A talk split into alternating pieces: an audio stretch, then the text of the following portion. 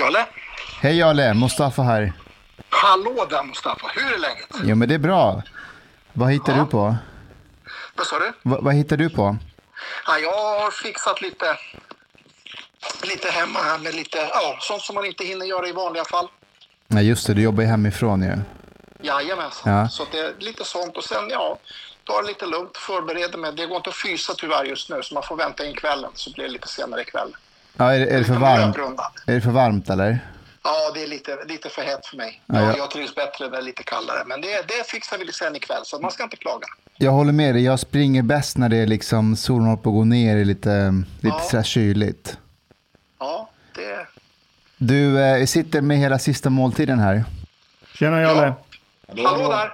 Hej pojkar! Hej Jalle. Du, eh, vi, vi sågs ju för eh, någon vecka sedan. Och eh, det har ju hänt en del sedan dess. Ja, det kan man säga. Vi har ju en regeringskris och eh, men det är inte det jag tänkte fokusera på utan snarare det som hände i Göteborg Biskopsgården. Eh, en kollega till oss som blev skjuten till döds. Mm. Jag tänkte fråga dig hur du har tänkt de senaste dagarna kring händelsen. Ja, det där är ju liksom... Jag vet att många har ju liksom haft synpunkter och så. Man ska komma ihåg att vi vet ju exakt inte just nu exakt vad som har hänt. Så att det, det är därför det är en förundersökning som, som pågår. Men det vi vet, det, det är ju att precis som du säger, en kollega är ju avliden och, och våra tankar går ju givetvis till de anhöriga och, och även till våra kollegor som jobbar väldigt nära honom som har mist en, en vän och en kollega. Sen är ju det här en avskyvärd handling. Liksom som, det, det är ett helt surrealistiskt resultat av det som har hänt. Alltså, alltså, en människa går ju till jobbet och sen kommer man aldrig mer hem. Liksom, tänk, tänk dig själv liksom, om, om du skulle... Jag menar, vi, vi tänker ju aldrig ens den tanken. Liksom. Vi, man sätter på sig sina kläder och tar med sig sin utrustning och så ska man iväg till jobbet. Men det är ingen som tänker på att jag kommer aldrig komma hem mer. Men så ser den, den krassa verkligheten i, i polisyrket ut. Eh, det här är ju liksom... Jag tittade faktiskt på det här. Från 1900 till 2021 så är det totalt 101 poliser som har förlorat sina liv och 32 av dessa på grund av våld. Sen är det trafikolyckor och olyckor då som, som tar ungefär 69 liv då i det här fallet. Men, men, men det, det, så det är ett jävla märkligt yrke som, som vi har faktiskt. Där, där närvaron av faran, den finns ju där hela tiden. Sen självklart kan man inte gå och tänka på det. Men, men det är klart man ska liksom fundera säkert och taktiskt och strategiskt hur man ska uppträda och så. Men, men när den här olyckan eller oturen är framme, då, då slutar det så här. Och det, är- det är riktigt illa. Mm. Du, Men- Jalle, men- du, du, du har ju jobbat i, i många år själv. Har du varit med om att en kollega nära till dig har eh, avlidit eller, eller dödats i tjänsten? Inte i min närmsta omgivning på det sättet. Jag har ju haft kollegor som har dött på grund av sjukdom och, och sådana saker, men inte att man har utövat våld. Det, det, det har jag inte.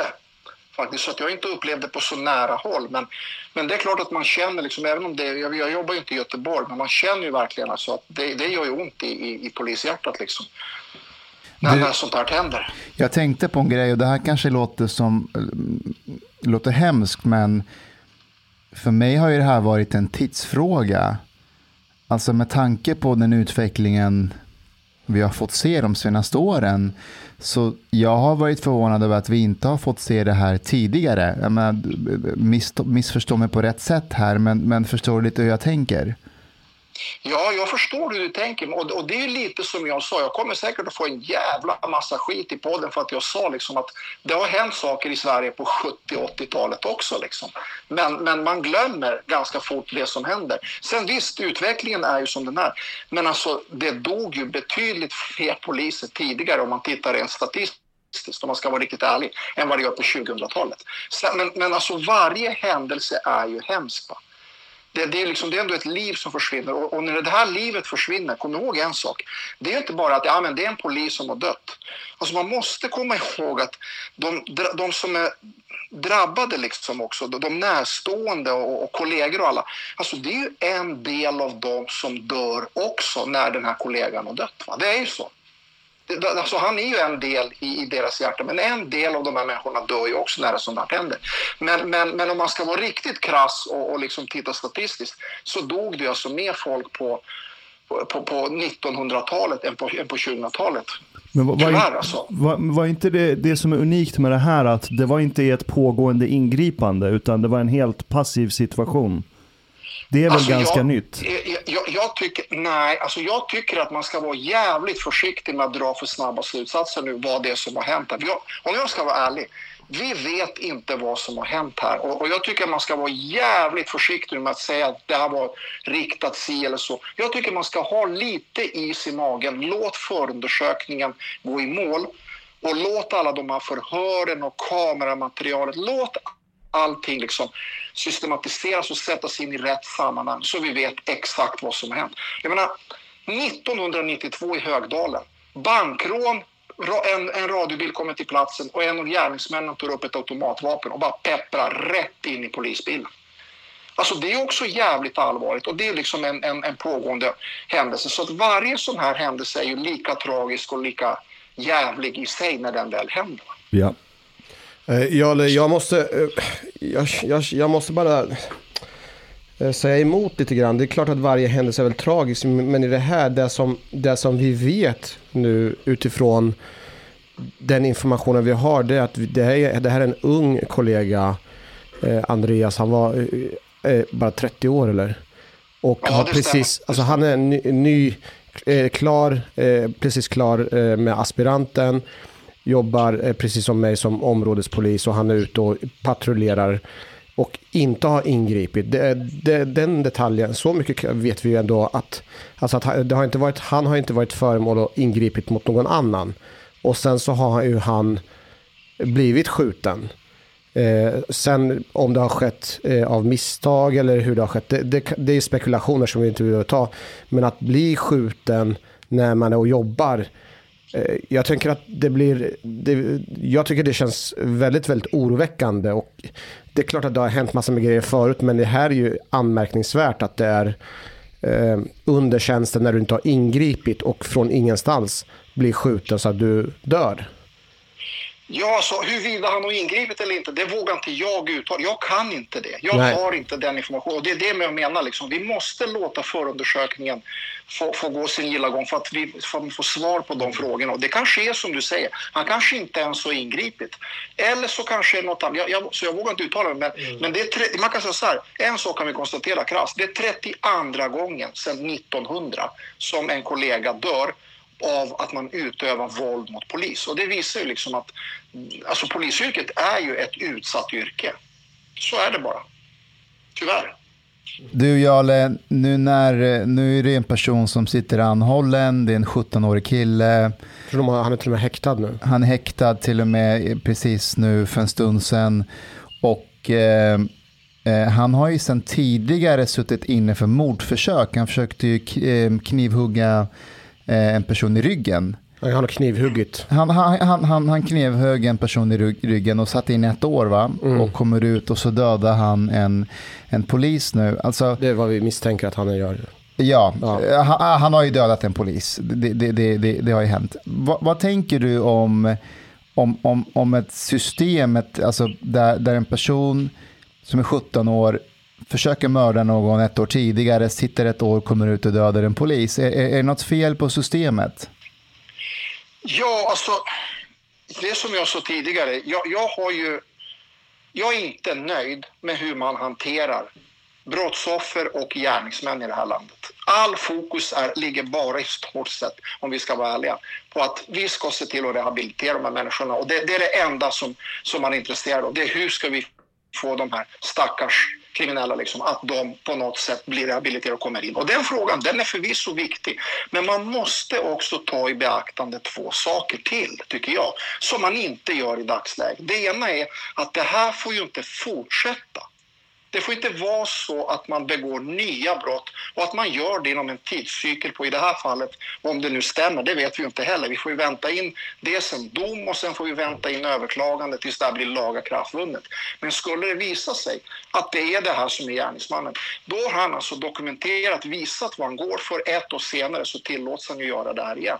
Och man kan inte bara skylla, alltså systemet måste vara mer robust, att man skyddar samhället betydligt bättre än vad vi gör idag. Och det andra också, jag menar det här brottsoffret som blev knivskuret för ett år sedan, hur tänker hon eller han liksom? Här blir jag utsatt för ett mordförsök, ett år senare är han ute igen och, och, och, jagar igen. Och det kanske är så att han nu till och med, det kanske är så illa att han kanske till och med är ute efter samma brottsoffer ett år senare som någon knivskur. Jag vet inte. Mm. Men det kan inte uteslutas att det var på det sättet. Det är en teori man jobbar med här. Så, så det här visar ju, jag vet inte, jag, jag, skulle jättegärna vilja prata med den individen som kan ställa sig upp, se mig rakt i ögonen och säga att jag är supernöjd med det systemet. Det är klart att han ska vara ute efter ett år och få begå nya brott. Jag vill jättegärna träffa den personen och diskutera vidare den här frågan. Ja, då välkomnar vi in Linda Snäcker till... Nej, jag skojar. Absolut. Jag, jag har haft dueller med henne tidigare. Jag har inga bekymmer att ta det igen. För jag delar inte hennes uppfattning i stort sett i någonting av de här frågorna kan jag säga. Du, eh, Jarl, jag ska ställa en sista fråga innan vi släpper det här. Eh, nu, hur, hur skapar polisen en stämning där, där man visar de kriminella i Göteborg att det, att det är polisen som äger, äger våldsmonopolet, det är de som äger territoriumet i, i de utsatta områdena, att det är de som bestämmer samtidigt som man skapar förtroende för majoriteten av de som bor i våra utsatta områden som är skötsamma, att men, vi är här för att skydda er eh, och inte liksom dra alla, alla er över en kam. Hur, hur, hur, eh, hur skapar man en sån situation? Den situationen skapar man genom att man precis som man har gjort i Göteborg och, och, och i det här området man går ut, man jobbar, man är sorgsen, man är förbannad, man är arg, man är fortsatt professionell och man drar inte liksom på nu att nu minsann ska vi göra det. Man jobbar precis som vanligt, man ser till att den här individen får den möjlighet till rättslig prövning som alla ska ha. Men man viker inte en millimeter eller att man lämnar det här området i sticket på något sätt, utan tvärtom, precis som man har gjort, så ser man till att det här förstärks och att områdespolisverksamheten ännu mer får stöd och hjälp och att man kan fortsätta att jobba i det här området. För här gäller det att bita sig fast och här gäller det att vara en del av samhället i de här områdena, precis som man är en del av samhället i andra delar och inte skilja det på ett eller annat sätt. Och här finns det möjlighet till både dialog men också till handling. Och handlingen den går ut på att man fortsätter jaga de kriminella som är ungefär 1% av populationen och 99% där ska man se till att underlätta för dem och vara deras polis i det här området. Det är så man gör. Jale, tusen tack. Tack så mycket. Vi hörs. Hej, hej på dig. Hej. Vi på sista måltiden har donerat 5 000 kronor till den avlidne polisen Andreas efterlämnade sambo. Om du också vill donera eller bidra på något sätt så kan du göra det till swishnumret 070 005 8443. 070 005 84 43. Ansvarig för insamlingen är Fredrik Ivarsson som är en god vän till polisen Andreas. Tack för ditt stöd. Thank you.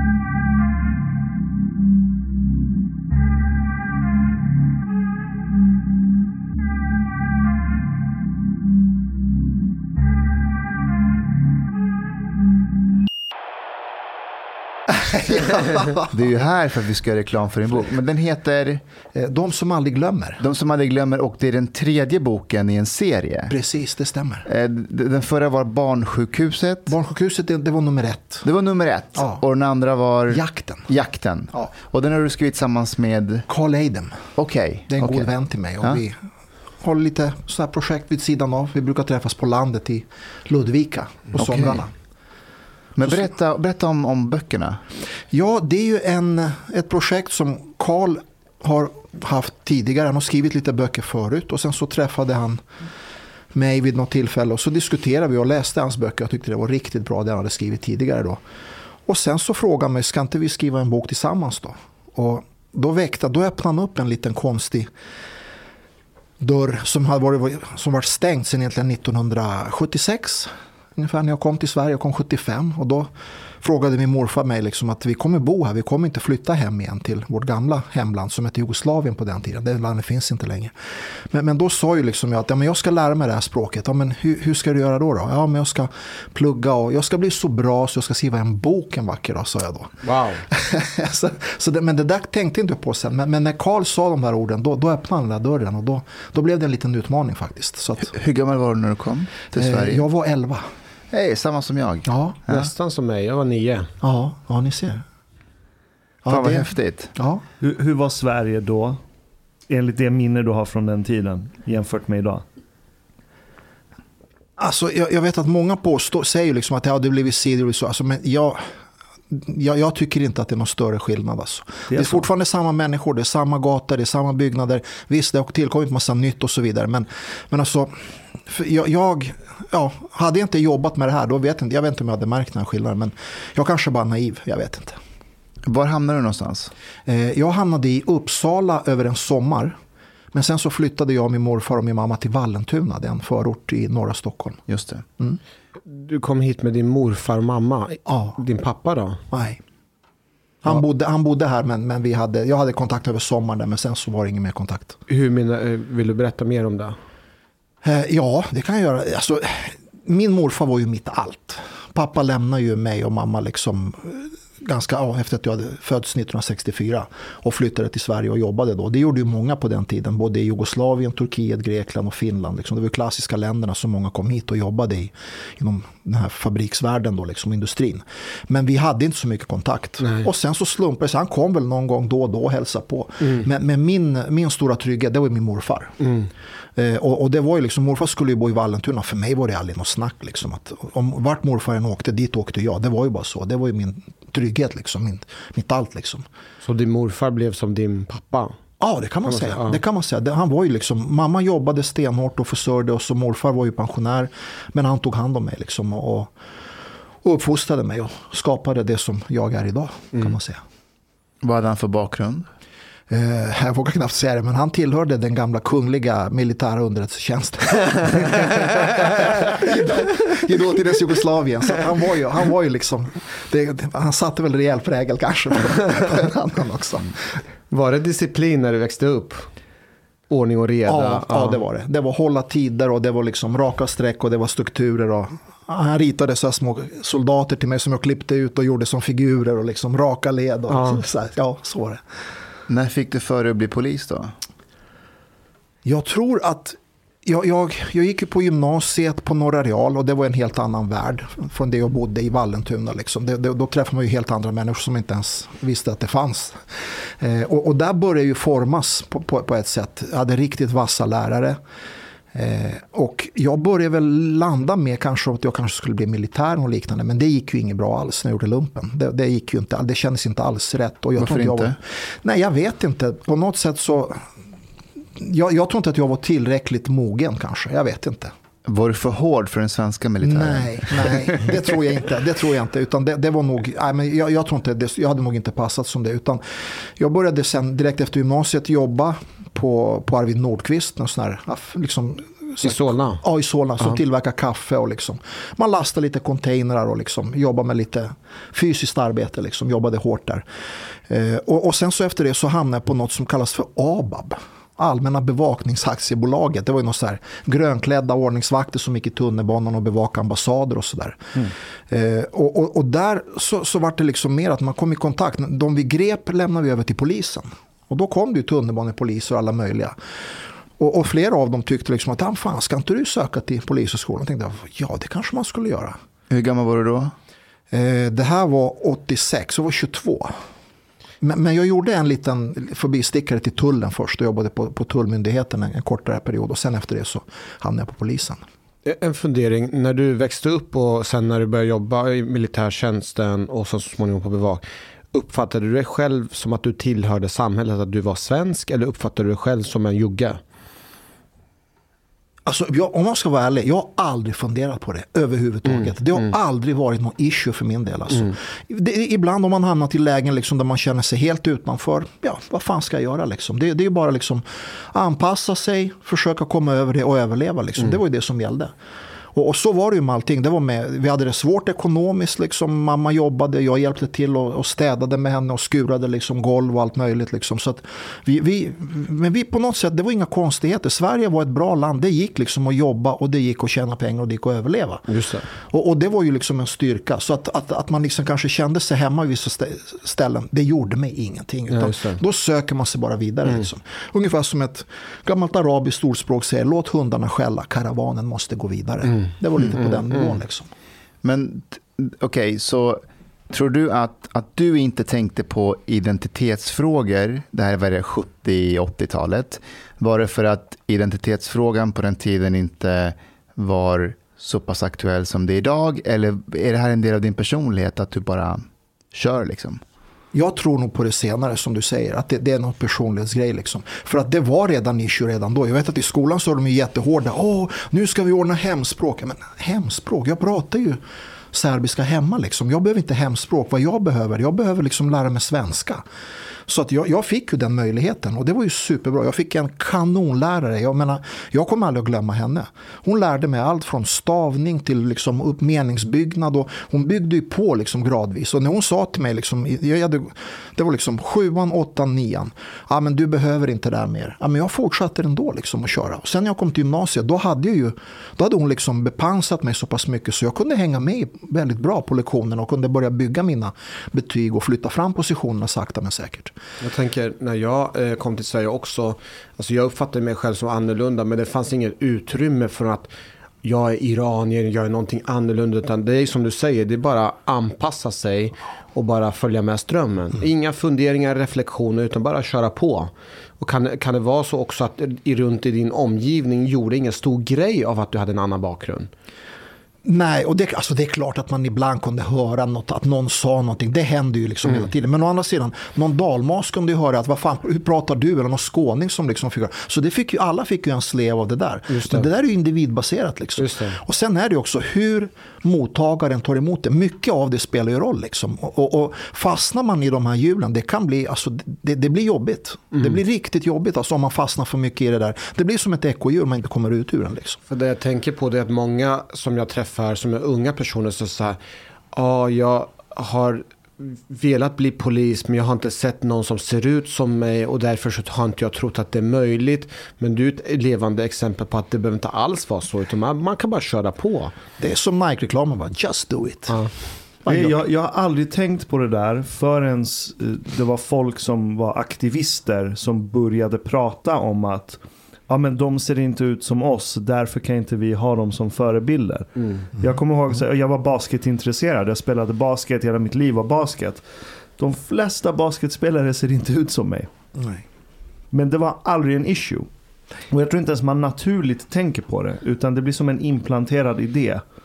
För att driva någon sorts opinion som jag menar är helt meningslös och inte finns. Och ändå ser det ut som Vlade Divac, jugoslaviska basketlandslagets främste målskytt genom tiderna. Nu gör jag det. Jag lovar att då Nej, gjorde då, jag nej, inte då det. gjorde man inte det. Nej, Då sant, såg sant. jag ut som en, eh, ja, men IT-tekniker. Ja, typ. precis. Ashkan, jag Precis. måste se en bild på dig när du spelar basket sen, hur du såg ut. Jag har bilder. Ja.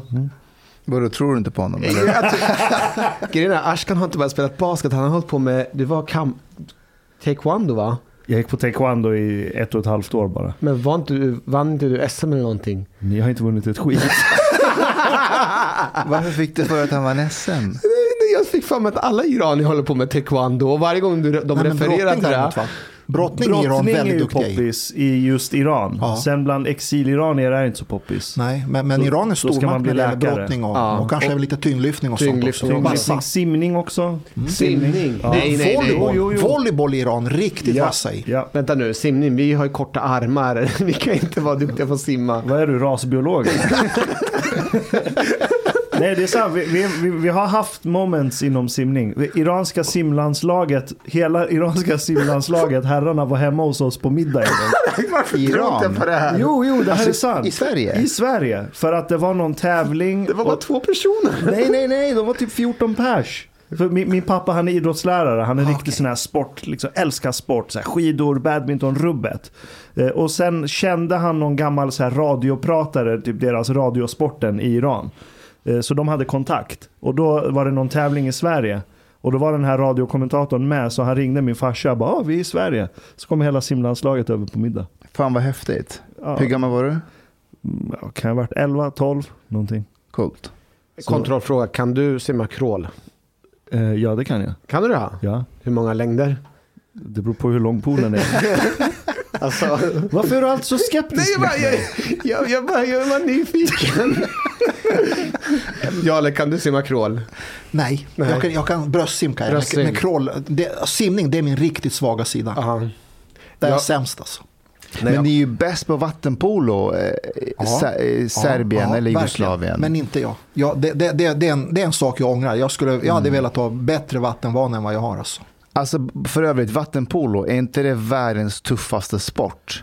Jag tror att det är nog ganska hårt. Alltså. Och det syns ju snällt ut på ytan men under vattnet så Ja. är de riktigt fula alltså, och, och gör massa ful grejer för sig. Så det kanske passar serberna bra. Det Vet- tror jag. Ja. Vad, vad passar så serberna bra? Vad menar Ja, du? det är, man anser väl att serber är inte världens trevligaste folk. Det är vissa folk som tycker så mycket om oss. Det var, det var inte vi som sa det. Nej, det var jag som sa det. Jag är själv en serb. Kan du berätta skillnaden mellan att söka polishögskolan då och idag? Jag tror att det var lite enklare att bli polis tidigare än vad det är idag. Idag är det mycket, mycket mer som, som krävs faktiskt. Och, och samhället är ju så. Vi, vi, det, det, vi utvecklas ju mot en komplexitet liksom som är helt annorlunda. Inte minst inom IT-kunskaper och, och, och sådana delar också. Vi är ju mera tekniska idag liksom än vi var på, på, på liksom, då, det här var 1989 när jag, när jag kom in och jag sökte 88. Så det var ju en enorm skillnad.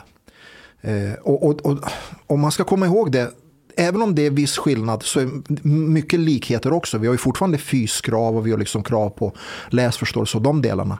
Men, men, men jag tror nog att människorna idag är ju mycket smartare än, än, än, än på, på den gamla onda tiden så att säga. Men är, är det nödvändigtvis bra att de är smartare?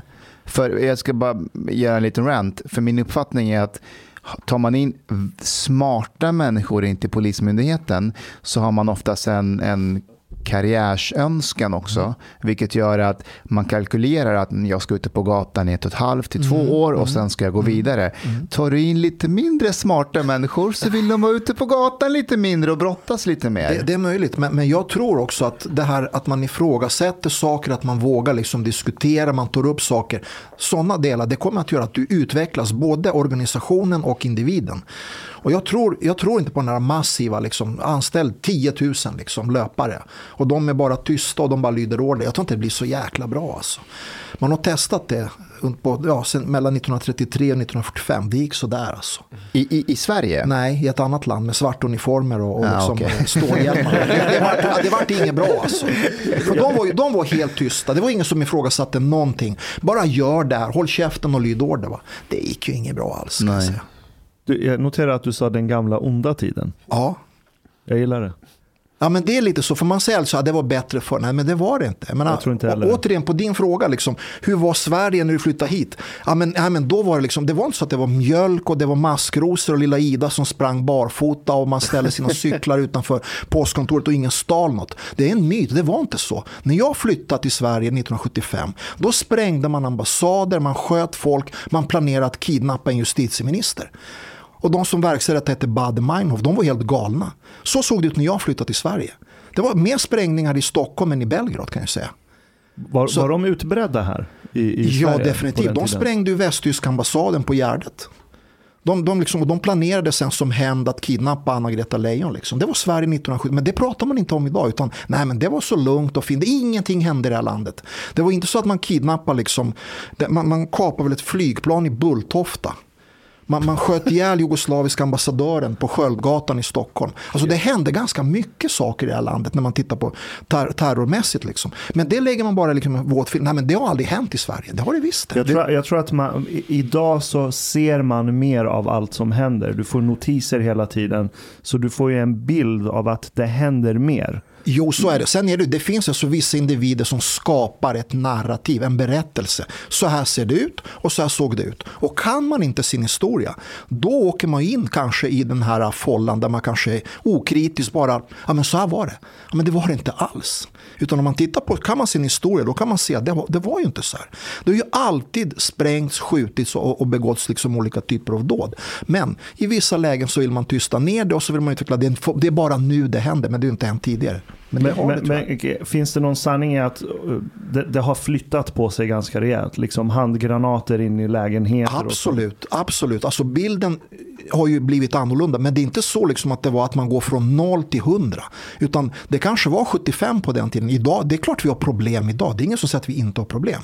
Men när jag flyttade till Sverige 1975, då såg jag det, det som finns idag också. Där man sprängde, liksom, man tog livet av folk på olika sätt. Och, och det var vapen och det var rejäla hot mot politiker allt möjligt. Och det ser vi än idag. Liksom.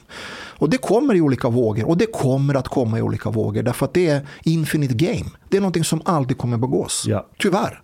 Om, om vi ska, okej så här, det förekom förr. Mm. Eh, det kan, man kanske inte ska fastna i om huruvida så här, det förekom aldrig förr och nu, kommer, och nu förekommer det hela tiden. Utan det förekom förr, det förekommer idag, men frekvensen har ökat jämfört med förr. Skulle man kunna vara överens om det? Ja, det kan man säga. Man kan säga att kanske antalet unga män inom en viss ålder dör betydligt mer idag än vad vi gjorde tidigare. Så att våldet är kanske riktat mot olika håll hur det ser ut. Numera är det unga män mot unga män. Då kanske det var mer politiskt och så vidare. Och så vidare. Men, men själva, om vi bara liksom bortser från uppsåten och, och planeringarna. Bara företeelser, sprängning, skjutning. Det är, inga, alltså det är inte något nytt i Sverige idag. Det är det inte. Så jag tänker kanske också motivet för att göra det. Motivet kanske var annorlunda för att få igenom en politisk förändring.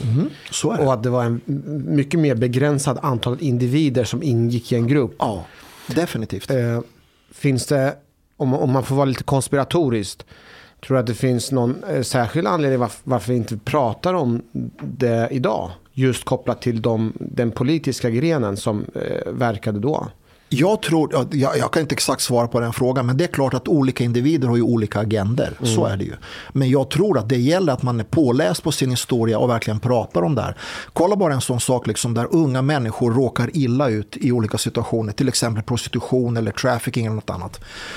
Menar, på 1975, och det får man inte heller prata sökt om, men då var ju faktiskt vissa, det var misstanke om att vissa politiker köpte sexuella tjänster av kvinnor och även underåriga under 18 som dessutom var kriminaliserat på den tiden. Just det. Och det hände med Göran Lindberg, samma modus. De, de här unga tjejerna fanns liksom på LVU, LVM eller det vi kallar för SIS-hem idag. Och han, han gick ju även på, på den typen av, av, av brottsoffer. Och det figurerar förmodligen nu också. Och det kommer att bli uppdagat förr eller senare. Så att, Göran Lindberg var ju kapten Klänning som var, eh, vad, vad hade han för tjänst i Uppsala? han var länspolismästare, Han en var av de högsta cheferna i landet. Så en av dina chefer, för du har ju varit polischef i Uppsala. Ja, fast inte under honom. Okej. Tack och lov håller jag på att säga, men det ska jag inte göra. Nej, det gjorde jag visst, hoppsan.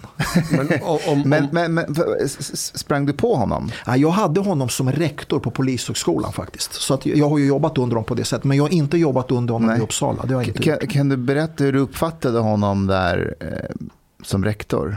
Alltså vi hade ju knappt någon kontakt överhuvudtaget.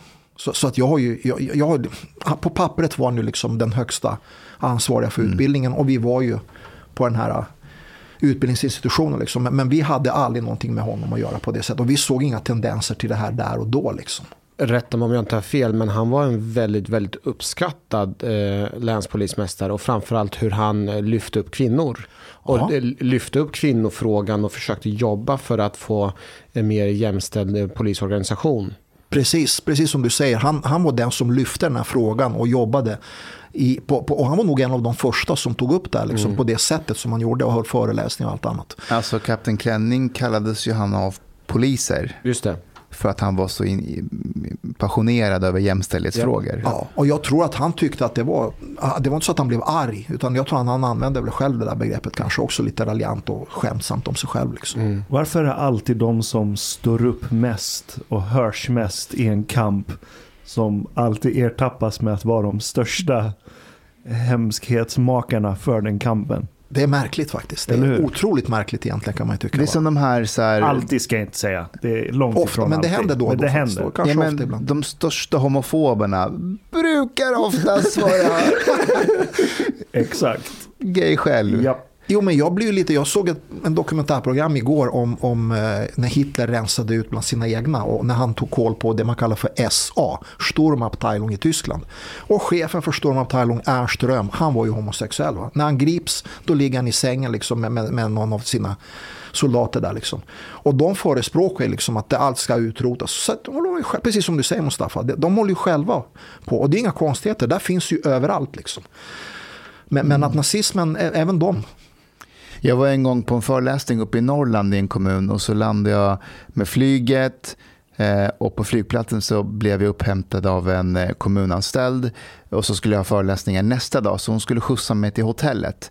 Och det var en lång väg till hotellet så vi sitter i hennes bil, det är ganska sent på kvällen och då säger hon till mig så här Ja, senast jag skjutsade en polis från flygplatsen var för tio år sedan och eh, det var kapten Klänning. Och så var det tyst i några minuter. så det, Hur gör, man, hur gör man comeback på den? jag vet, det går inte. bad karma. Ja, vad ska jag, jag är inte så... Nej, man blir, ja, det känns ju konstigt. Men alltså det han gör, det stänker ju på hela varumärket polisen. Så är det ju. Vi ska tillägga, han var aldrig polis. Han Nej, gick exakt. aldrig polisutbildningen. Han var ju jurist. Ja, han var jurist, men, men han, Jaha, ändå, liksom, han var ju ändå polischef. Så Han vi, vi, vi kan inte säga nej, han, Nej. Var, utan han var polis. Och, och det visar ju liksom att alla organisationer, alla myndigheter, det här kan dyka upp överallt. Ja. Liksom, där de här övergreppen begås. Jag gjorde nu en sån här... ehm, ehm, jag fick ett samtal häromdagen från en afghansk förening. Ehm, ordföranden var väldigt arg för att det var en afghan som hade hängts ut i media eh, för att han hade gjort någonting. Och han, hela hans grej var så här, vi har gjort efterforskningar, han var inte afghan. Han var, han var från Pakistan, varför förstår inte svenskarna det? Och jag var så här, fast vi kanske inte ska fokusera på typ var han kom ifrån eller så, utan det illa det han har gjort. Ja, ja, ja, men han var inte afghan. Det var, liksom, det var det som var det viktiga. Liksom. Men det var ju som en avsnitt som eh, när jag var med Paolo. Jag sa inte ett skit, men jag får ändå skit för det. Det var ju Chang som sa någonting. Ja, ja, men vi, vi är en homogen grupp här tydligen. Jo, men, det, men det, jag tror att det blir lite så. Och jag tror att, jag vet inte om det är svensk företeelse, förmodligen så är i alla länder, liksom, där man har väldigt lätt att bara katalogisera. Det blir så enkelt och bra. Liksom, att de här stoppar vi in i den här påsen, så här, sådana är de. Så att när en polis gör någonting dåligt, då är liksom alla poliser är rasister eller alla poliser är våldsmän och så vidare. Va? Men polisen, vi är inte annorlunda mot vad vanliga människor är. Vi är liksom vita, svarta, vi är killar, tjejer, det är homosexuella, det är heterosexuella, det är bra poliser, det är dåliga poliser. De här spänningsfälten, de finns även i vår organisation, som precis där all annan levande materia finns. Det är, så, så är det. Och det är ingen bortförklaring, det, det är ett faktum. Va? Hur ska man tänka som polis som är som du, eh, som mig och många andra som är offentliga? Eh, man, man är med och debatterar, du är med och skriver böcker och är polis men ändå är privatpersonen. Och finns det några konflikter däremellan och hur saker och ting kan fram, eh, framställas? Ja, alltså dels har du en juridisk aspekt, till exempel hur du agerar. Men när man drar på sig en polisuniform, då representerar jag en hel myndighet. Och då, det blir svårt att jag bara plockar in mina egna personliga värderingar och ventilerar dem i en uniform. Det går ju inte. Eh, likadant liksom att om jag, om jag går till exempel till efterlysningsstudion, då kan inte jag ta betalt av dem rent juridiskt. Liksom, utan jag gör det i uniform och jag gör det. Jag har ju redan betalt så att säga. Va? Så det är sådana saker man måste ha med sig när man gör de här delarna. Och vill man då ventilera sina privata åsikter, då tar man av sig uniformen och så kliver man in i, i, i civila kläder och då kan man liksom ventilera dem. Men även då kan det faktiskt skada polismyndigheten. Så att man måste ha en, en, en, en liten eftertanke. Vad är det jag säger? Hur framför jag mina budskap? Sen kan man ju givetvis vara offensiv ändå liksom, och, och inte bara vara, liksom, vara i ett skal. Men många poliser blir väldigt tillbaka de blir hämmade och, och tillbakadragna och vågar inte knappt säga halv sju. Liksom, för att allting granskas, lusläses. Och, och, och jag menar, det är som du säger, liksom, du, du är fysiskt närvarande i ett rum men det är du som får skulden liksom, för något som kanske du inte ens har gjort. Liksom. Och, och det där är liksom olika olika liksom grader i helvetet av den delen. Va? Beroende på hur, vart vindarna blåser. Och hur ska, man, hur ska man förhålla sig till den kritiken som det kan komma? Ska man försöka undvika och vara i vissa rum för att man ska undvika få kritik eller ska man försöka köra på? Ska till exempel Hanif inte vara med i den här podden för eventuella skada det kan göra? Nej men det går ju inte. Alltså, då, då, alltså, den här podden, det här är ju skyddat av grundlagen. Liksom. Mm. Alltså, man måste väl åtminstone kunna få prata i, i ett demokratiskt samhälle. Och sen visst att vissa har synpunkter eller delar ut kritik. Alltså att man får kritik, det är inte så att världen slutar snurra för det. Va? Man får kritik och så får man göra, jag tycker att man kan göra en reflektion. I den här kritiken, finns det någonting konstruktivt? Ska jag ta till mig av det här? Jag kanske faktiskt har brustit och, och den som delar ut kritiken kanske har någonting att komma med. Då ska man man ta till sig det och försöka liksom anpassa sig och gå vidare sen och, och, inte göra om samma misstag. Men om kritiken är helt obefogad, där du blir till exempel anklagad för något som du inte ens har gjort. Men återigen alltså, låt hundarna skälla, karavanen måste gå vidare. Va? Det, det, det, går inte att bara lägga sig ner platt och gå i någon slags skal. Nu ska jag aldrig mer vara med i en podd liksom, för att folk tycker det här. För att folk kommer alltid att tycka saker. Och det är så i ett demokratiskt samhälle. Det är bara bra. Vilket år kom ni in på Polishögskolan igen? 23 januari 1989. Måndag. Ja. Kan inte du ta oss från res, en resa från 89 när du kommer in till hur du blir eh, polischef i Uppsala? Liksom från aspirant Jale till polischef Jale. Mm. Absolut. Ja, den är inte lätt. Men, men, men januari 1989 kliver igenom de här portarna och då är vi väldigt få som kommer från utom nordiska länder. Jag tror att vi var två eller tre stycken på en kull på 80. Idag tror jag det är helt annorlunda. Eh, men det där var, liksom, det var ingen big issue. Det var mycket bra klass, jag hade väldigt bra lärare och jag har nog aldrig lärt mig så mycket som under de tio månaderna man gick där. Eller tolv månader var det då. Från januari till december, första teoridelen. Då. Man lärde sig jättemycket, det var bra liksom blandning. Praktik med, med, med teori jättebra kollegor och man börjar liksom hitta olika kollegor som man jobbar mycket med. Man hittar sina gelikar och, och, och de, det blir liksom som, som vapenbröder. Liksom. Jag hamnar på praktikdel i Stockholm. Jag var på flera olika ställen. Också togs emot väldigt bra vill jag påstå. Väldigt bra handledare. Jag såg i stort sett ingenting när det gäller rasism och liknande delar. Det, det, det upplevde jag aldrig jag. Eh, och ändå har jag liksom gått igenom både tunnelbanan, Norrmalm och alla de här ställena. Så många tycker att det här är ju, liksom, det, det är ju nazister, liksom, har ju vissa kritiker sagt. Det såg inte jag röken av kan jag säga. Fast det förekom ju, har jag hört, att eh, vid utsättningarna har poliser heilat Ja, jag, jag har hört samma sak. Ja. Men jag, jag, jag, måste säga att jag, jag hör de ryktena och vi visste ju allting. Och vi redan, redan på polisskolan började vi håna varandra. Du ska till Norrmalm. Då får du stå liksom i halvtecken varenda morgon tyckte vissa av oss. Då. Ja, men du då, du ska till tunnelbanan. Ta på dig gruvhjälmen liksom. Så man gick ju och håna varandra. Så man skapar ju någon slags polisiär jargong redan där. Men återigen, hör, hörsägen ja, men jag såg det inte. Mm. Sen kanske det förekom, men inte när jag var med i alla fall. Det kan jag säga. Och jag känner själv att under den tiden som jag har varit polis, jag har velat liksom pressa fram, ja, jag har sett rasism, men mm. när jag under 11 års tid eh, kan summera det mest rasistiska, det är ju när man eh, förvisso att det händer att man eh, tillskriver vissa etniska grupper någonting negativt. Mm. Men det gör man för att skapa sig, hur ska man förklara? Eh, ja, men vi vet till exempel hur romerna är. Mm. Vi vet till exempel hur finnarna är. Aktare som, mm. alltså det, man tillskriver en massa mm. sanningar mm. som förvisso kan uppfattas rasistiskt. Men jag uppfattar inte att det är det som har varit syfte. Att man, man gör en, en sån distinktion mellan människor.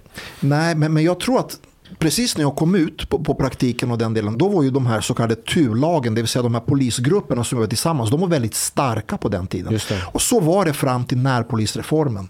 Därefter slog man ju sönder det och, och skapade dels via den här man kallar för periodplanering, det vill säga att man fick liksom göra sin egen arbetstid och så skulle det godkännas inom vissa ramar. Då, då hade man inte längre exakt samma 10-15 stycken som alltid jobbade ihop. Och då, då, då, då var den här subgrupperna betydligt mindre. Liksom, på gott och ont. Jag, jag, tror att man går tillbaka nu till att man skapar starka grupper igen. För man måste ha effektiva grupper när det gäller den här typen av arbete. Men, men jag kommer ihåg när jag kom ut på praktiken och, och jobbade. Det var ju annorlunda jag, jag var förvisso van av att gå i uniform genom att jobba som ordningsvakt och tullare. Men, men som polis, det, det, var annorlunda. Man, man, det, det, var någonting extra när man satte på sig polisuniformerna. Så jag kan inte förklara vad, men man var väldigt stolt. Liksom. Jag har gått igenom de här testerna, jag har gått igenom den här första utbildningen och nu har jag liksom fått möjligheten att, att ta på mig den uniformen. Och, och, man bar den med stolthet. Jag har aldrig liksom skämts eller tyckt att det här var si eller så, jag ska ha något annat under de här åren, liksom, ända fram till idag. Så att det känns som att jag träffade mitt i mål med, med, med det, som, det som jag fick i utbildningsväg och så vidare. Och jag kommer ihåg som, som färdigutbildad polis. Man gick, jag gjorde min praktik i under ett och ett halvt år på olika avdelningar, sen tillbaka till polisskolan sex månader, repetera lite och efter det var man godkänd och färdigutbildad polis. Och då har vi hamnat i december 1991. Och vid den här tiden så, så hade man starka krafter, det man kallade för eh, BSS, Bevara Sverige svenskt och liknande. Det var stora det. demonstrationer och, och mycket folksamlingar runt Karl XII staty och, och vänstern kom och, och skulle stoppa det. Så det var ju rejäla fältslag på gator och torg på den tiden. Var det inte den här 30 november? Exakt, varje de var 30 väldigt november. våldsamma på ja, den tiden. Det blev, det blev väldigt, väldigt kaos där alltså. Och det, var, man, man, det fanns en föreläsning som man kallar för skinheads. Eh, unga svenska killar oftast och även vissa tjejer då ibland som ja, drack öl och när de blev tillräckligt berusade och modiga då gick man till angrepp mot alla möjliga. Liksom. Och det kunde bli hur galet som helst i vissa lägen. Och de blev själva föremål också för massiva attacker från både vänstern men även från invandrargrupper då, som ägnade sig åt gatuvåld och liknande. Så det var ganska mycket att göra i de där delarna. Och jag kommer ihåg en gång på T-centralen Norra, då, då körde jag och min kollega fotpatrull. Vi går där och så hör jag höga röster. Jag tittar på, då ser jag en kille med romskt utseende står och skurar. Finsk rom, jobbar och städar tunnelbanan. Och då står det några och skriker och vrålar och spottar efter honom. Skinheads. Och det var bara liksom gardinen ner. Jag, jag, jag var helt galen när jag såg det här. Jag tänkte, här står en kille och jobbar och får inte jobba i fred för att de här står och hånar. Jag frågar vad, vad gör ni för något? Ja men den där bla bla bla satt de och skrek. Men vänta lite, han står här och jobbar och, och, ni då? Ja men vi har inga jobb. Nej, men det är klart ni inte har det. Liksom. liksom, när ni står här och vrålar då har ni visat liksom, er kapacitet. Liksom. Var, varför står ni och stör honom för? Varför kan ni inte gå ut om, om 100 meter längre bort, där står det ett par stabila invandrargäng. Gå på dem. Vråla där om ni vågar. Men det vågar ni inte. Utan ni ger på en ensam man som dessutom har valt att stå här och jobba. det är för jävligt, ska snutjävla hålla på så här. Liksom. Så jag fick ju jordens skopa. Men de, vi slängde ut dem. Liksom. Hällde ut deras öl, förverkade det. Och då kommer den här killen då, som kanske var i 30-årsåldern och sa det.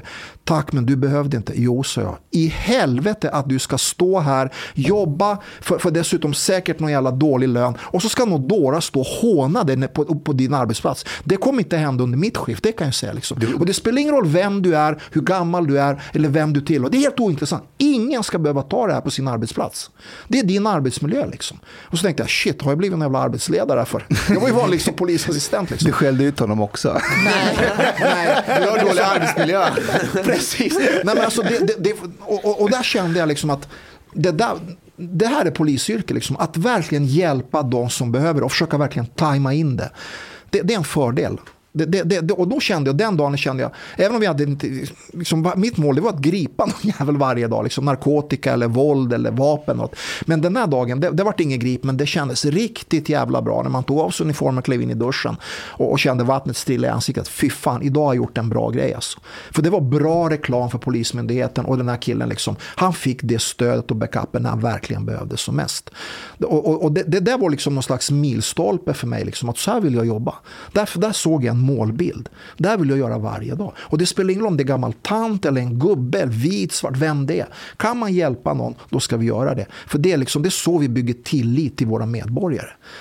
Ett av mina starkaste minnen när jag jobbade i Linköping som polis var att det var en tidig söndag morgon och jag och min kollega eh, åkte eh, för att köra eh, nykterhetskontroll på, mm. på en så här fin, fint område i Linköping, så här villaområde. Och min kollega som var erfaren berättade för mig att eh, det är ganska vanligt att eh, föräldrar som under lördagen har druckit lite alkohol, kanske lite för mycket sent på kvällen, går upp på söndag morgonen för att skjutsa barnen till hockey eller fotboll, någon match. Liksom. Mm. Och då kan de ha alkohol i blodet och så stoppar vi dem. Liksom.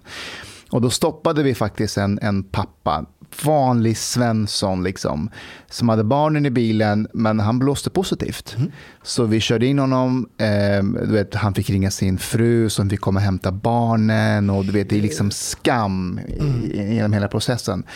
Vi kör honom till, till arresten och där får han, ju, han får blåsa i ett större instrument för att visa exakt hur mycket alkohol han har i kroppen. Men han blåste precis under. Så det vart inte positivt. Han var precis på gränsen. Det vart liksom negativt. Och den här killen, eller den här mannen, alltså man, han skämdes så mycket. Han hade världens ångest. Och jag såg på honom att du vet, det här kommer inte hända igen. Han, han var så här nära att förlora allt. Eh, så han, nu skulle han gå hem och säga till sina familjebarn att Hörrni, det, det var negativt men jag skäms ändå. Men han räknades ju inte i statistiken. Vi har ju inte gjort någonting. Men det var en av de bästa dagarna i mitt liv. Ja, ja. Vi hade inte gjort ett jobb enligt eh, statistiken, men vi, förmodligen så en, förändrar vi en mans liv eh, Ja. till framtiden. Till Och det där går inte att bättre. köpa för pengar och Det det, går inte att mäta statistiskt. Utan det, det, är någonting, det, det är värde för någons familjs liv. Liksom. Mm. Absolut. Men, kan ju också vara så att det var första gången i hans liv han någonsin körde bil dagen efter.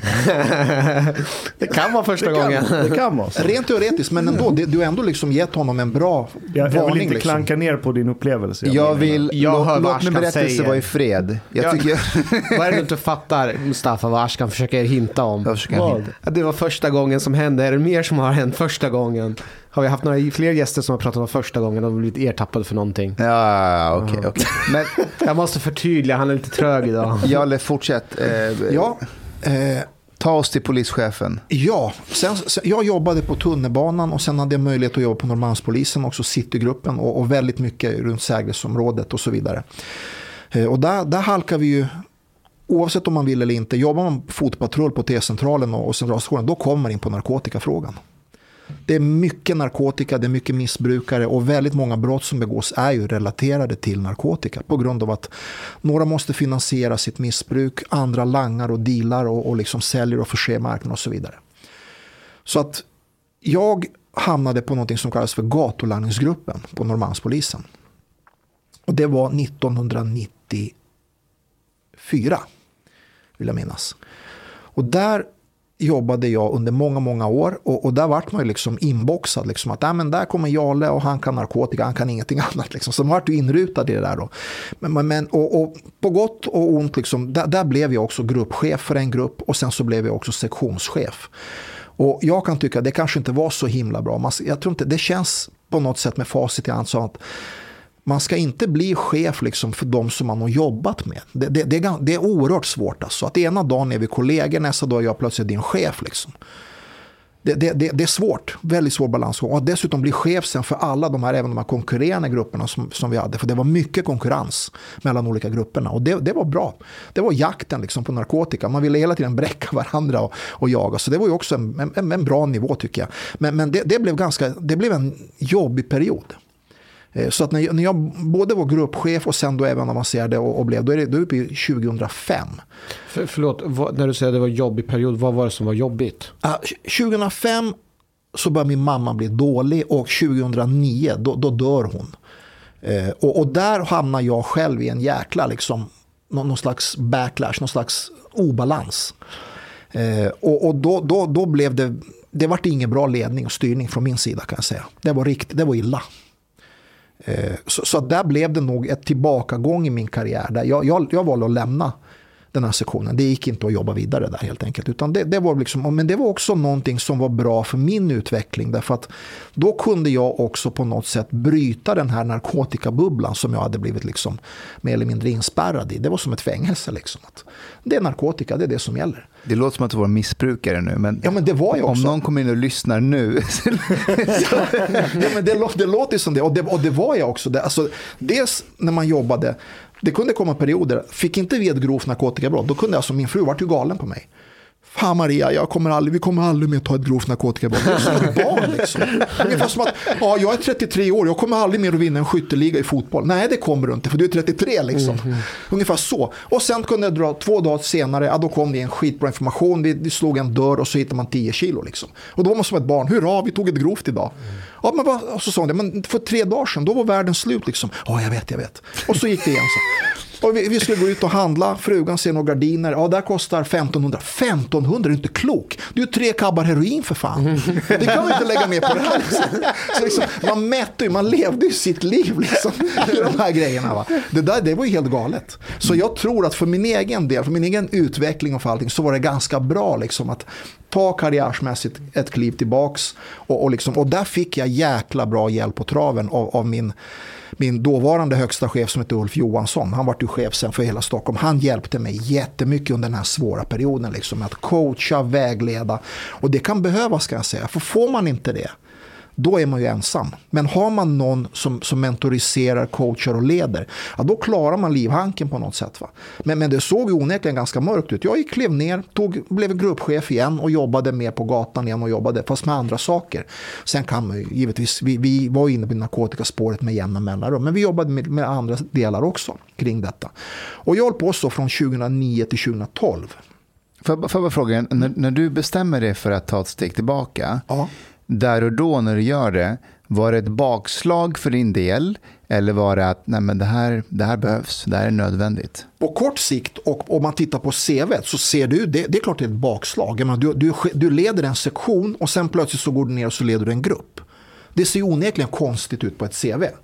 Så ja, då är det ett bakslag. Men för mig som individ och person var det nödvändigt. Dels att ta ett kliv tillbaka, reflektera, begrava min mamma, göra de bitarna klara. Liksom. Och sen då återigen, ungefär som i hockey, uppspel bakom mål, vi gömmer oss bakom målet, tar pucken och så bygger vi upp ett nytt anfall och så går vi vidare.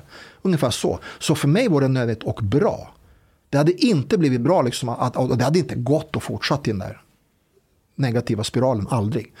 Utan jag körde det här i tre år och sen 2012 då fick jag ett erbjudande, så kallat jugoslaviskt erbjudande som jag inte kan tacka nej till. An offer you can't refuse. Mm. Och det var liksom att kom till Uppsala och hjälp oss att bygga upp en enhet här. Eh, som ska jobba med, med, med bland annat Forsmarks kärnkraftverk och som ska jobba med, med förhöjd förmåga att kunna ingripa mot farlig person och liknande. Liksom. Och det skulle jag göra under åtta månader. Och det kändes riktigt kul och utmanande. Så jag tackade ja till det. Och jag kom, och tanken var att jag skulle tillbaka till Stockholm då 2013, men det, så blev det inte. Utan jag blev kvar, jag sökte en tjänst som närpolischef i Uppsala Knivsta, jag fick det. Och så jobbade jag med det uppdraget fram till nya organisationen och då fick jag en ny förfrågan om jag ville bli tillförordnad chef för dåtidens lokalpolisområde som var väldigt stort. Eh, jag tackade ja till det.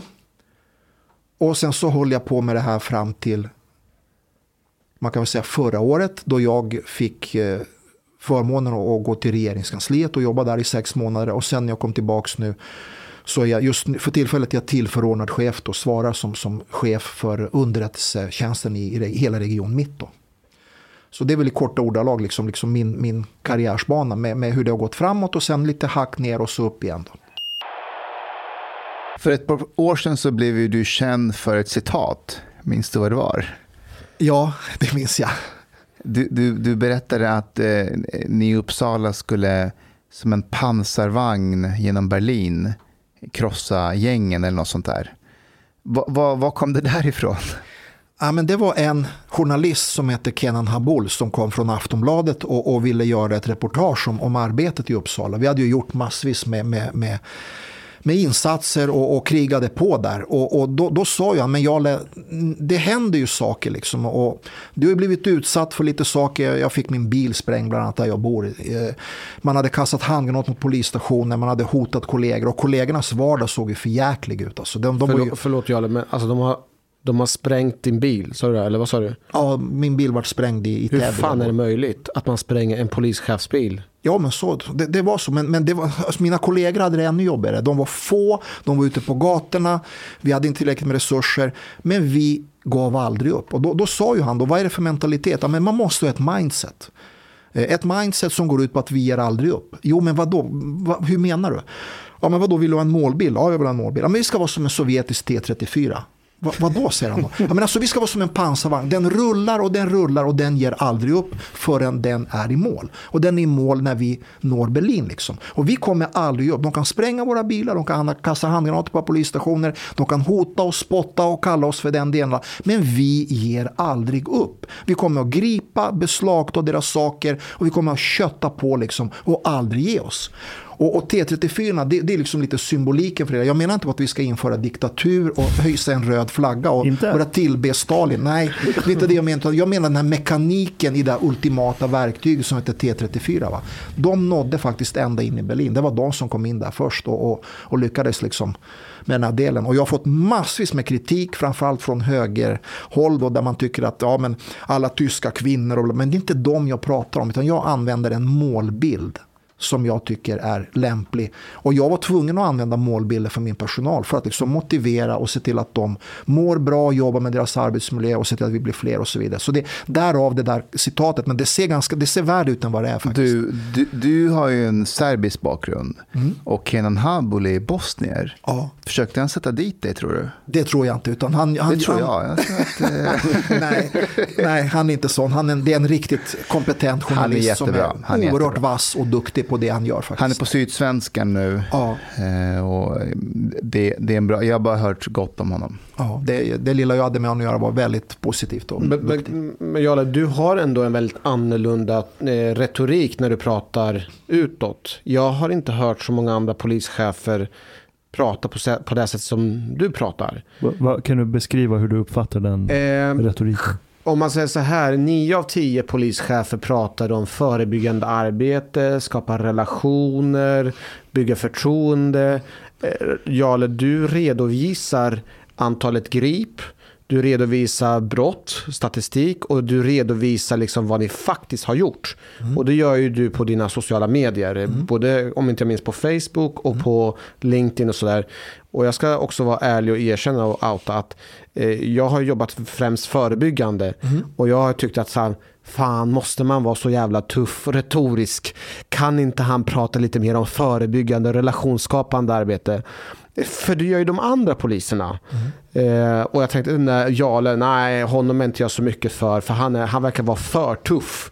Eh, det var min, eh, mina tankar innan jag träffade dig första gången. Eh, men eh, berätta mer om dina tankar kring retoriken. Det är, det bara någonting som du är, eller hur, hur funkar den?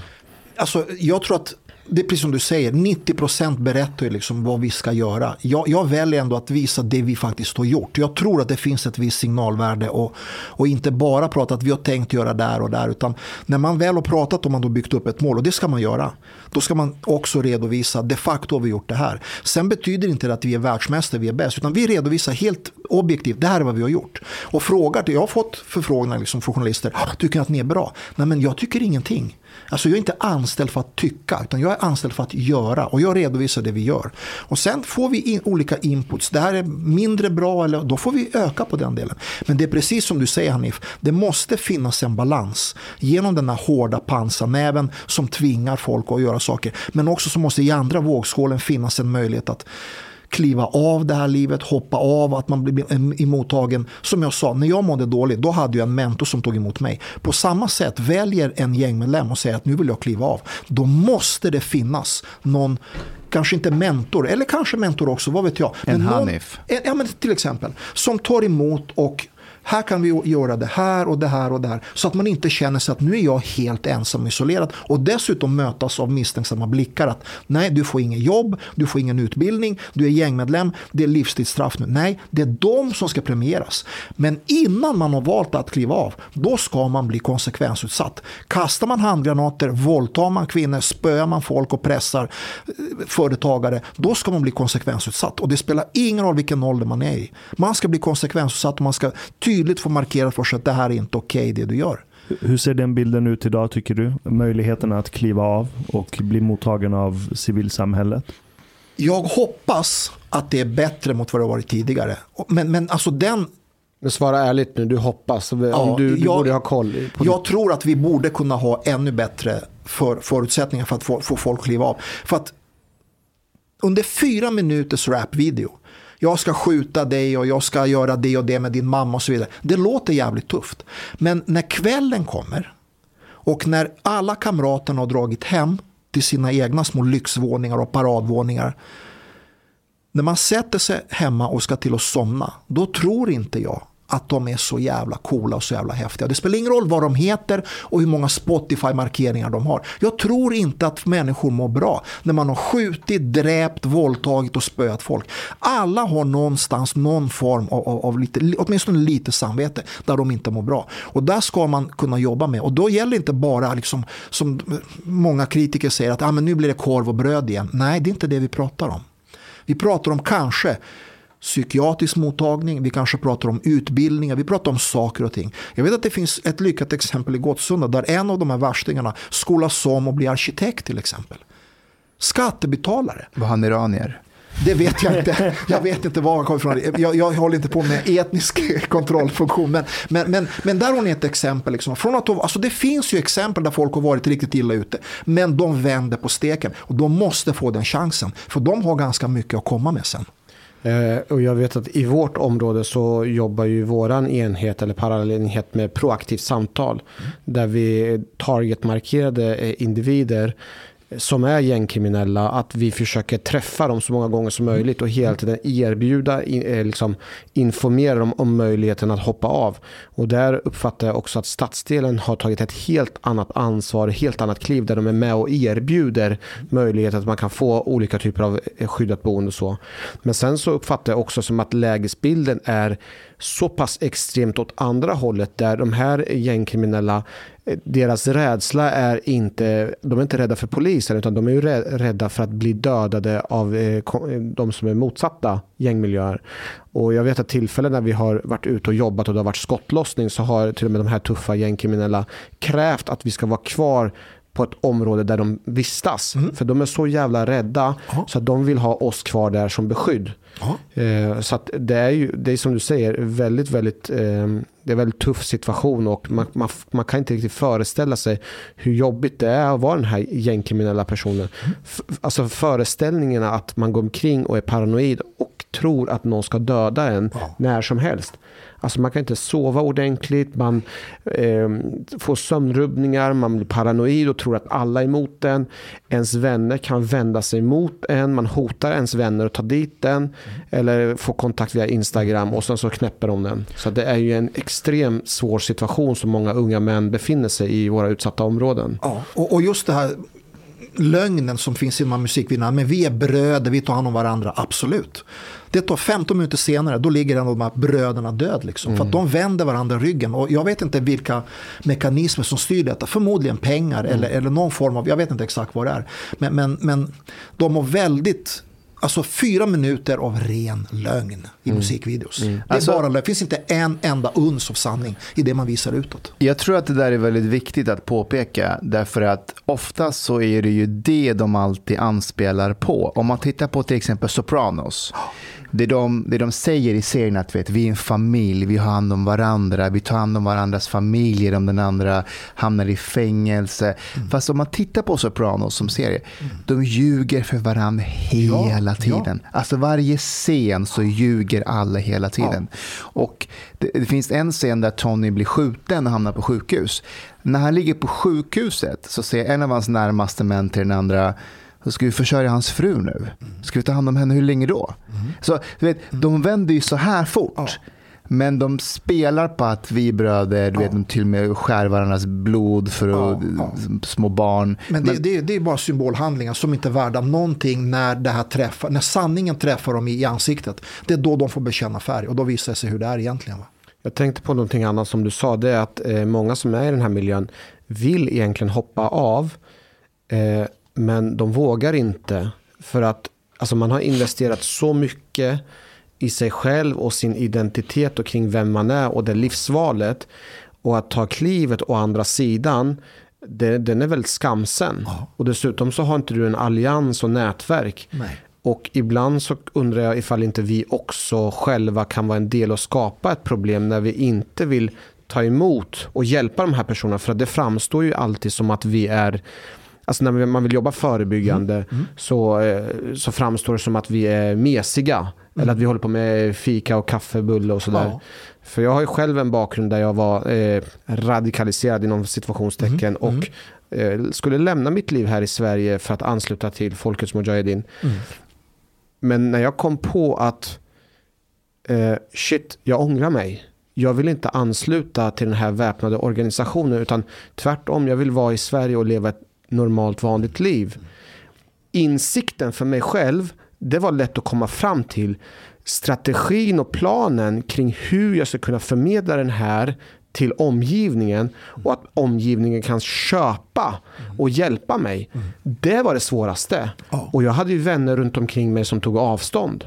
Eh, och det måste vi också motverka. Absolut, och där har du det här med inkludering kontra exkludering, tillsammansperspektivet. Låter du de här människorna redan tidigt komma in i samhället, då är det här ingen bekymmer. Då är valet enkelt att göra. Men om samhället inte tillåter att de här människorna kommer in i samhället och blir integrerade och, och jobbar tillsammans och, och, och jobbar för helheten, då, då kastar vi dem bokstavligt talat i famnen på grovt kriminella och gängmedlemmar. Och de, de behöver ju de här människorna. Det, det är ju nyttiga idioter som får göra saker och ting så att de här kan dra sig tillbaka och följa där från, från Guldkusten eller var fan de än sitter. Va? Så det är jätteviktigt. På lång sikt så krossar vi det här genom en enkel inkludering. Låt de här människorna få komma in i samhället. För det fick jag göra. Jag kunde också blivit kriminell. Sommaren 1976, det var, det var vägval för mig. Vad hände då? Ja, då var jag i Göteborg med min kusin och det, det hände inte så jävla roliga grejer Berätta varenda mer. dag direkt. Nej, men det hände lite tråkiga saker. Berätta, där, där, du är så länge sedan, det är preskriberat, det får du dela med Nej, nej, men dig. det, det var liksom, jag, jag hamnade ju helt galet när, när jag var med honom. Han var ju kusin från min pappas sida. Liksom. Och vi hamnade ju duktigt i tassemarken. Alltså. Berätta. Ja, det var liksom på dagtid, liksom in, det var mitt under sommarlovet. Liksom. Det var boxning, någon boxningsklubb, jag kommer inte ihåg exakt vilken, i centrala Göteborg där vi hängde liksom, och övade och tränade. Och sen på kvällen då gick man ut och så, ja, Slogs man? ja Ja. det kan man säga. Hur gammal var du? 76, 12. 12 år. Okej. Det är ju preskriberat så det måste du kunna pr- prata mer obekymrat. Jo, men, men liksom... Men, Plus det är straffrabatt. Ja, precis. precis. Nej, men alltså, vi, var ju, vi var ju duktigt i tassemarkerna. Och jag, jag kommer ihåg när jag gjorde min praktik. Som, när när man går på polishögskolan då gör man ju en speciell praktik då även på en myndighet utanför polismyndigheten. Så var det på den tiden när jag gick i utbildningen. Då, då valde jag socialtjänsten i Vallentuna. Och då var det två fältassistenter som tog med mig. Och vi åkte runt där jag bodde liksom och såg olika ärenden och, och jobbade. Jag följde hur de arbetade och så vidare. Och så sa de då, och det här var ganska länge, jag tror vi höll på i, om det var åtta veckor skulle den här praktiken vara. Så i slutet så tyckte de att ja, men du har varit så engagerad i det här, du, så du, du ska få följa med oss på en roadtrip på tre dagar eh, norröver. Där vi skulle besöka där de hade placerat olika individer som inte kunde vara kvar i Vallentuna. Utan de var tvångsplacerade enligt LVU och enligt LVM.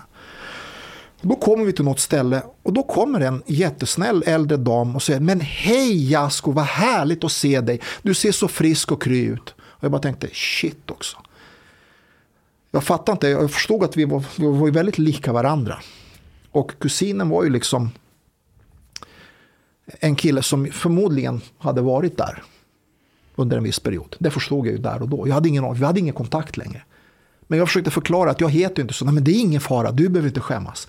Nej, men jag, jag heter ju inte så. Va? Jag heter Jale liksom. Jag har inte bytt identitet. Nej, men du har ju varit där. Nej, jag har ju inte det. Men då förstod jag att två killar, samma DNA-steg nästan håller jag på att säga. Men, men vi, vi tillhörde samma släkt. En sommar.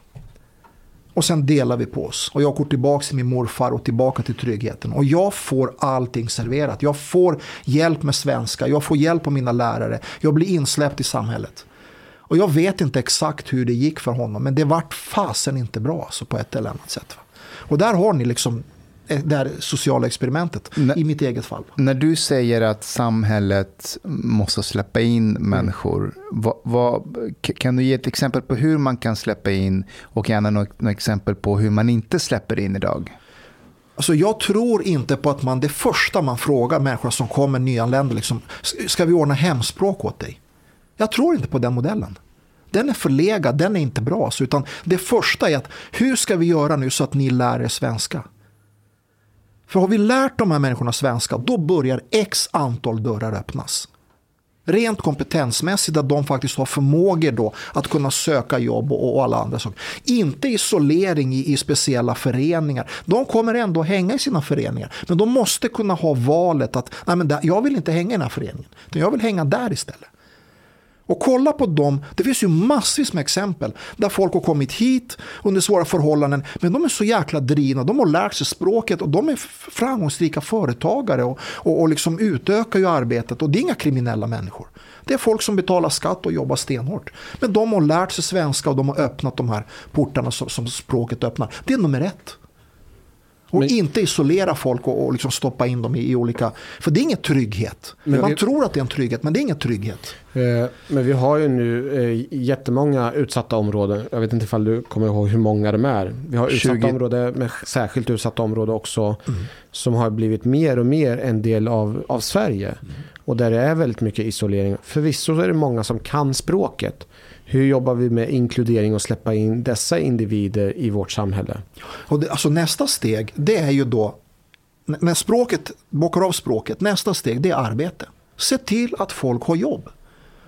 Och jag vet att man, man säger så här, ja men de här gängkriminella, de jobbar ju. Nej, det gör de inte. Att vara gängkriminell, det är 100% arbete. Du kan inte jobba 8-18 i studion här och sen 18 till 06 ska du begå brott liksom.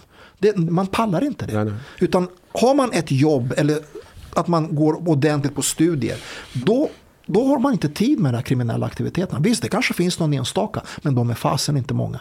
Så nästa steg det är att bocka av några delar. Och det är bra boende, det är språk och det är se till att man har ett jobb. Och har man, börjar man i de delarna, då tror jag att förutsättningarna kommer ganska snart att bli. Därför att vad händer om du har de delarna? Jo, då har du alternativ också till det här gängumgänget. Då får du träffa andra människor. Och så fort du får träffa andra människor, då börjar saker och processer dras igång. Då börjar någon utveckling. Än att bara umgås med den här fem, sex stycken och bara, nu är det inbrott och nu ska vi liksom göra någon jobb på någon, någon mobilföretag och sno massa mobiler och nu ska vi råna den och nu ska vi pressa den och så vidare. Det, det, det är ett ekorrhjul liksom som bara rullar, rullar, rullar. Allt ifrån grovt gängkriminella till eh, människor som hänger i nazistorganisationer, säger vi. Vissa av dem också grovt kriminella förvisso. Till så här antifascistisk aktion. Mm.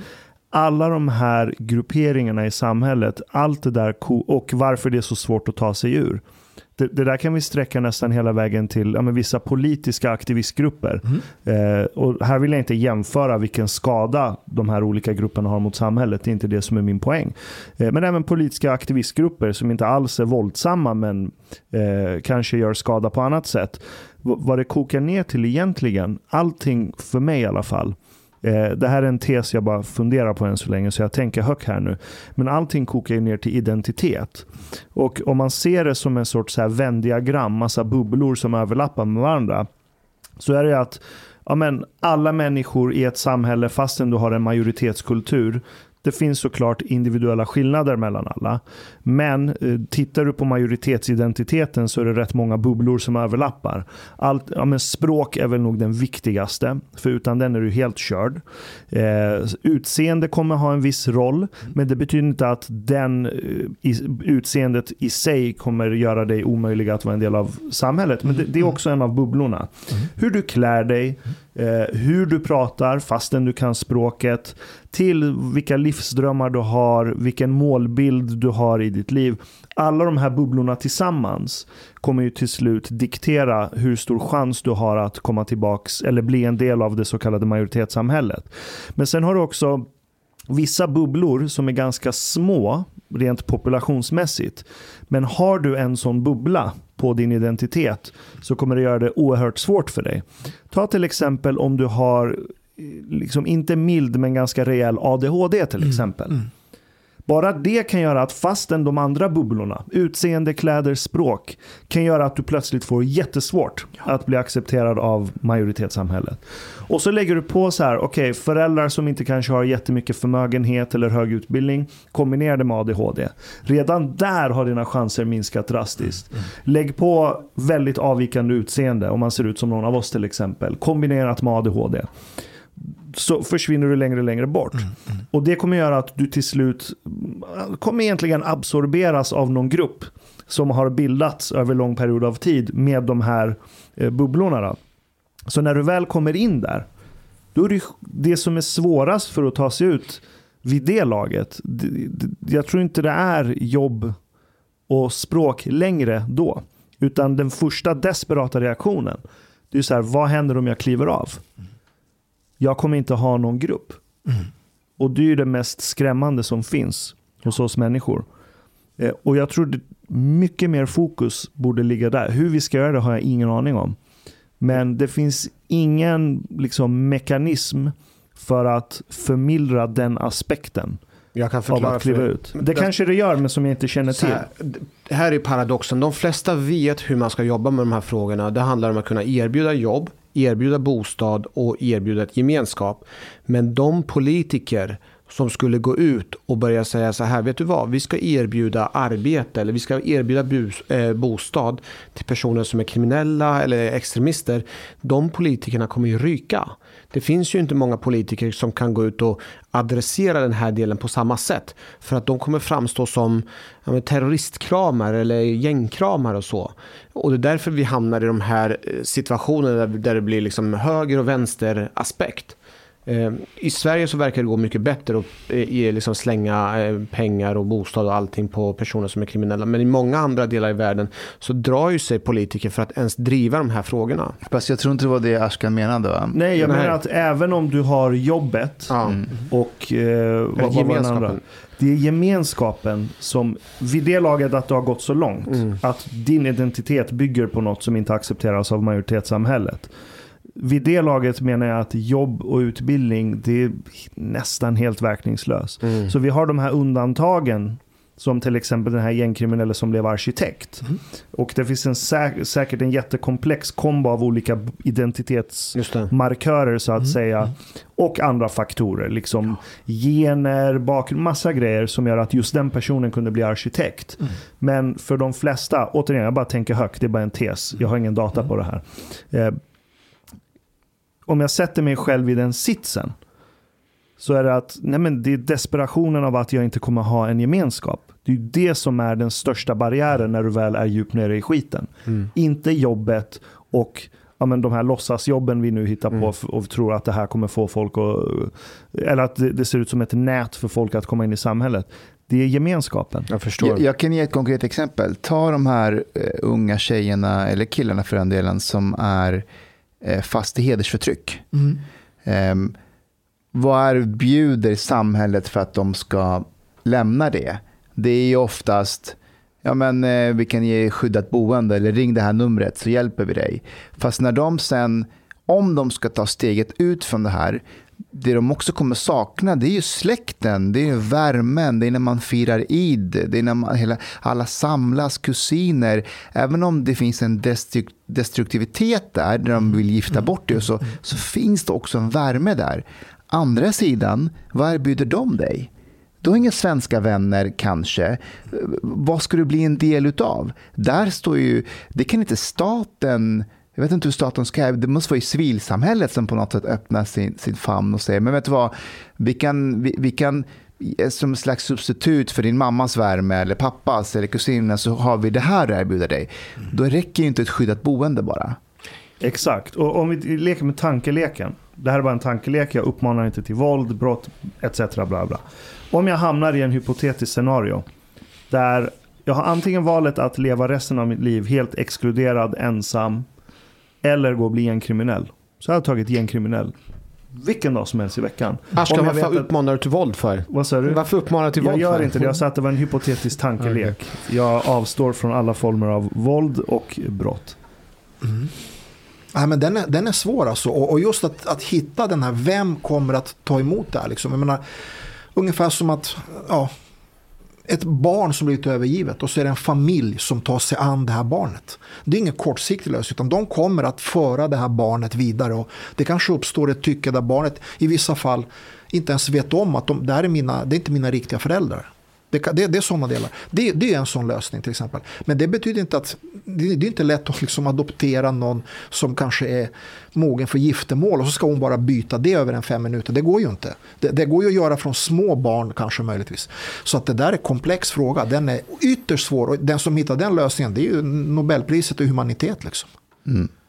Ja, men precis. Därför, och jag tror att ett land som Sverige just, när vi står inför de här, jag tar till exempel hedersfrågan. Vi står rätt maktlösa, därför att eh, som sagt det bästa vi kan erbjuda det är, det är polisen som finns där för ett samtal, men sen är det, sen är det en tomhet. Ja. finns ingen annan. Nej men så är det. Och jag menar, eh, vi kan stå för det vi gör med själva transporten och kanske ett ingripande. Jag menar straffmässigt. Skulle någon ha ihjäl sin dotter, de är ute efter fem sex år. Liksom. Straffen kan ju inte göra någonting åt det här. Så det finns ingen, inte ens knappt kortsiktiga botemedel. För jag menar, juridiskt är ju Sverige liksom ett u-land när det gäller straff. Va? Så är det bara. Och eh, det där kommer plockas ur sin kontext. Ja, Ja, det är möjligt. Det är möjligt, men jag står för det. Och jag, menar, jag tycker att brottsoffren, de har hamnat, jag vet inte var någonstans. Och det här har pågått sedan 70-talet. Och, och brottsoffren, de är inte med i matchen överhuvudtaget någonstans. Vi behandlar dem oerhört illa. Och jag tror att vi måste sätta betydligt mera fokus på brottsoffer. Ta till exempel kvinnofrågan. Det är ju bara fokus på gärningsmännen liksom. Och det har gått så illa så att kvinnorna behandlas på ett sånt sätt i rätten att man måste ha målsägarbiträden i det här landet. Som ska tillvarata intressen. Där man ifrågasätter klädsel. Vad sa du? Var du full? Var du sminkad? Och så vidare. Och, och vad hon än svarar så är det fel. Va? Var hon sminkad? Ja, då har du lockat fram beteendet. Var du inte sminkad? Då har du också lockat fram beteendet. Så att man måste någonstans börja liksom tänka efter. Vad fan är det vi håller på med egentligen i, i domstolarna? Det här, är, det, det, här, det här, som det ser ut idag, det här är inte bra. Ja, det finns otaliga exempel på hur medborgarna... Sen att domarna tycker att de är bäst och, och att rätterna tycker att de är bäst, det må vara. Men de som utsätts för brott, det är det som räknas. Hur har vi som myndigheter behandlat brottsoffren? Där, där krävs det en rejäl skärpning vill jag påstå. Det, är väl lite, det tangerar väl lite till eh, den, eh, den här 45-åriga pappan eh, som blev mördad Mm. av någon som hade rymt från rättspsyk va? Mhm. Eh, och det. satt inne för ett annat mord. Ja, Och då fick den här gärningspersonen, var det 13 år? ja. För att ha mördat en helt oskyldig 45-årig pappa. Mm. Och vad blir det? Det är väl två tredjedelar av det straffet. Mm. Jo, och sen kan det dyka upp ungdomsrabatter och det kan dyka upp massvis med olika saker. Så menar, i 13 år, det, det, är, alltså, det är inte bra heller i det här läget. En återfallande liksom. Det här var händelse i Rissne va? Förra året i... vi- Just det, ja, Sundbyberg, men det kan ju ha varit i Rissne. Det är väl en det, del av Sundbyberg, Ja, ja. eller? Ja. Och, och jag, jag, jag säger inte att vi ska liksom införa dödsstraff eller något liknande, utan vi måste ändå vara så pass vakna att, att återfallsförbrytare, vi kan ju inte bara, bara liksom, ja, det är lugnt, gå ut igen. Straffrabatter, det, det, det, alltså det är rabatter hela vägen. Jag menar, någon som har 50 öppna ärenden, nej men det konsumeras av det här brottet. Så bara struntar man i de övriga brotten. Liksom. Är, vi, är vi unika i världen med just den här att ett brott konsumeras av ett annat om det är grövre? Nej, jag tror inte. Jag tror det finns nog andra länder också. Men, men, men jag tror att Sverige är unikt på hur man under så här lång tid ser på, på gärningsmän. Och, och där fokus är så mycket på gärningsmän och så lite fokus från myndigheterna på brottsoffren. Va? Och det, det, det är inte, det, det, jag tror inte det är bra för Nej. samhället också. Det skapar också en polarisering och skapar sen frö för att man ska tycka att det är de här som begår brotten och så här och så här är det. Rent politiskt. Va? Det, det blir inget bra. Är det inte också lite konflikter just kopplat till olika myndigheter och hur myndigheter jobbar? För just, vi jobbar ju väldigt mycket för att, eh, polisorganisationen jobbar ju väldigt mycket för att kunna förhindra och skapa trygghet. Medan eh, många unga personer som är lagöverträdare, de, de blir ju föremål för insats av socialtjänsten. Ja. Och socialtjänsten jobbar ju för individens bästa. Och bara för individens bästa och de tar inte till hänsyn till den breda massan. Så om det är en person som eh, säljer droger och begår brott och så vidare. Eh, det spelar ingen roll eh, kring vilken, eh, hur mycket den skadar för omgivningen. Det är inte föremål för intresse. Utan det är individen som är i fokus. Och sen som jag har förstått det hela rätt så att socialtjänstlagen är inte utformad på så sätt att den jobbar förebyggande utan man måste trappa upp. Man måste erbjuda först en insats. Funkar inte det så erbjuder man nästa insats. Medan vi från polisens sida ibland skulle vilja förespråka liksom omhändertagande med en gång. Men det får man inte göra för det funkar inte i förvaltningsrätten. Då kommer det bara röstas ner. Så har jag fått det be- Jo, så- jo, återberättat jag, jag av socialsekreteraren Jag som tror att det är korrekt det du säger. Och plus att det, dessutom har vi byggt in den här sekretesslagstiftningen som gör att myndigheterna får ju knappt prata med varandra Mm. i vissa frågor. Och det, jag tror inte att det gynnar klienten faktiskt. Nej. Visst, man kan klara sig och kan begå massa nya brott, men är det det vi vill? Vill vi att de ska kunna begå massa nya brott för att vi inte ska få prata med varandra? Mm. Det är ganska unikt tror jag för, för, för Sverige. Jag tror inte att, att hela världen har det på det sättet faktiskt. Utan man, man, och, och ibland kan man undra också, vad är det som är det bäst, bästa för, för den här individen? Men att slippa kanske inlåsning, den- de här killarna kanske blir ihjälskjutna. Mm. Är det bra för dem? Jag tycker inte det. Nej. Och sen blir det också en oförmåga att när man inte är frihetsberövad, när man inte hålls borta, då blir ju områdena väldigt mättat på, på negativa förebilder. Eh, och man säger så här, ja, men det spelar ingen roll vilka insatser vi vidtar. Så fort de kommer tillbaka så hamnar de i kriminalitet igen. Men det är ju inte konstigt för att eh, eh, negativa förebilder är så pass dominerande så att man attraheras in i den här miljön. Eh, och den positiva förebilderna, de är inte så många. Så de har ingenstans att ta vägen. Dels har du ju det och där skulle jag säga att identitetskomponenten komponenten är rätt stor där. Men Mm. sen har du den här lilla fraktionen av förövare där det enligt mig verkar som att ja, men vänta, det här verkar vara något sjukdomstillstånd. Gryningspyromanen. Eh, den här som rymmer från rättspsyk och går och mördar igen. Där jag blir skeptisk till verklighetsuppfattningen hos de som stiftar de här lagarna. Till att, men kan vi inte erkänna att det finns en liten fraktion människor som är sjuka. De kommer aldrig mer bli rehabiliterade. Det finns inget gott i att de här människorna ska släppas helt fritt i samhället bara sådär. Nu, nu yrkar inte jag på dödsstraff heller, jag är helt emot det. Ehm, men att, ja, milt uttryckt, vi ser väldigt lätt. Vi tror att allt går att rehabilitera. Ja, jag håller med dig. Jag håller med dig till 100 procent. Och, och där ska ju självklart en läkare göra kontinuerliga undersökningar och se. Om gör man bedömningen att ah, men nu är han botad, nu är han inte längre farlig för, för någon, någon annan människa. Då ska man självklart släppa ut dem. Det är en men, sak, ja. Precis, men, men att bara släppa ut dem för att liksom, man har någon tanke och en teori. Ah, men han kommer inte sluta begå brott för att vi låser in honom. Men det handlar ju inte om det. Det handlar om att skydda allmänheten. Ja. För det är så många som utsätts för just i det här exemplet den, indi- den speciella individen. Och då gäller faktiskt att det är därför, vi har ju inte fängelse, alltså fängelserna är ju för att vi ska skydda samhället.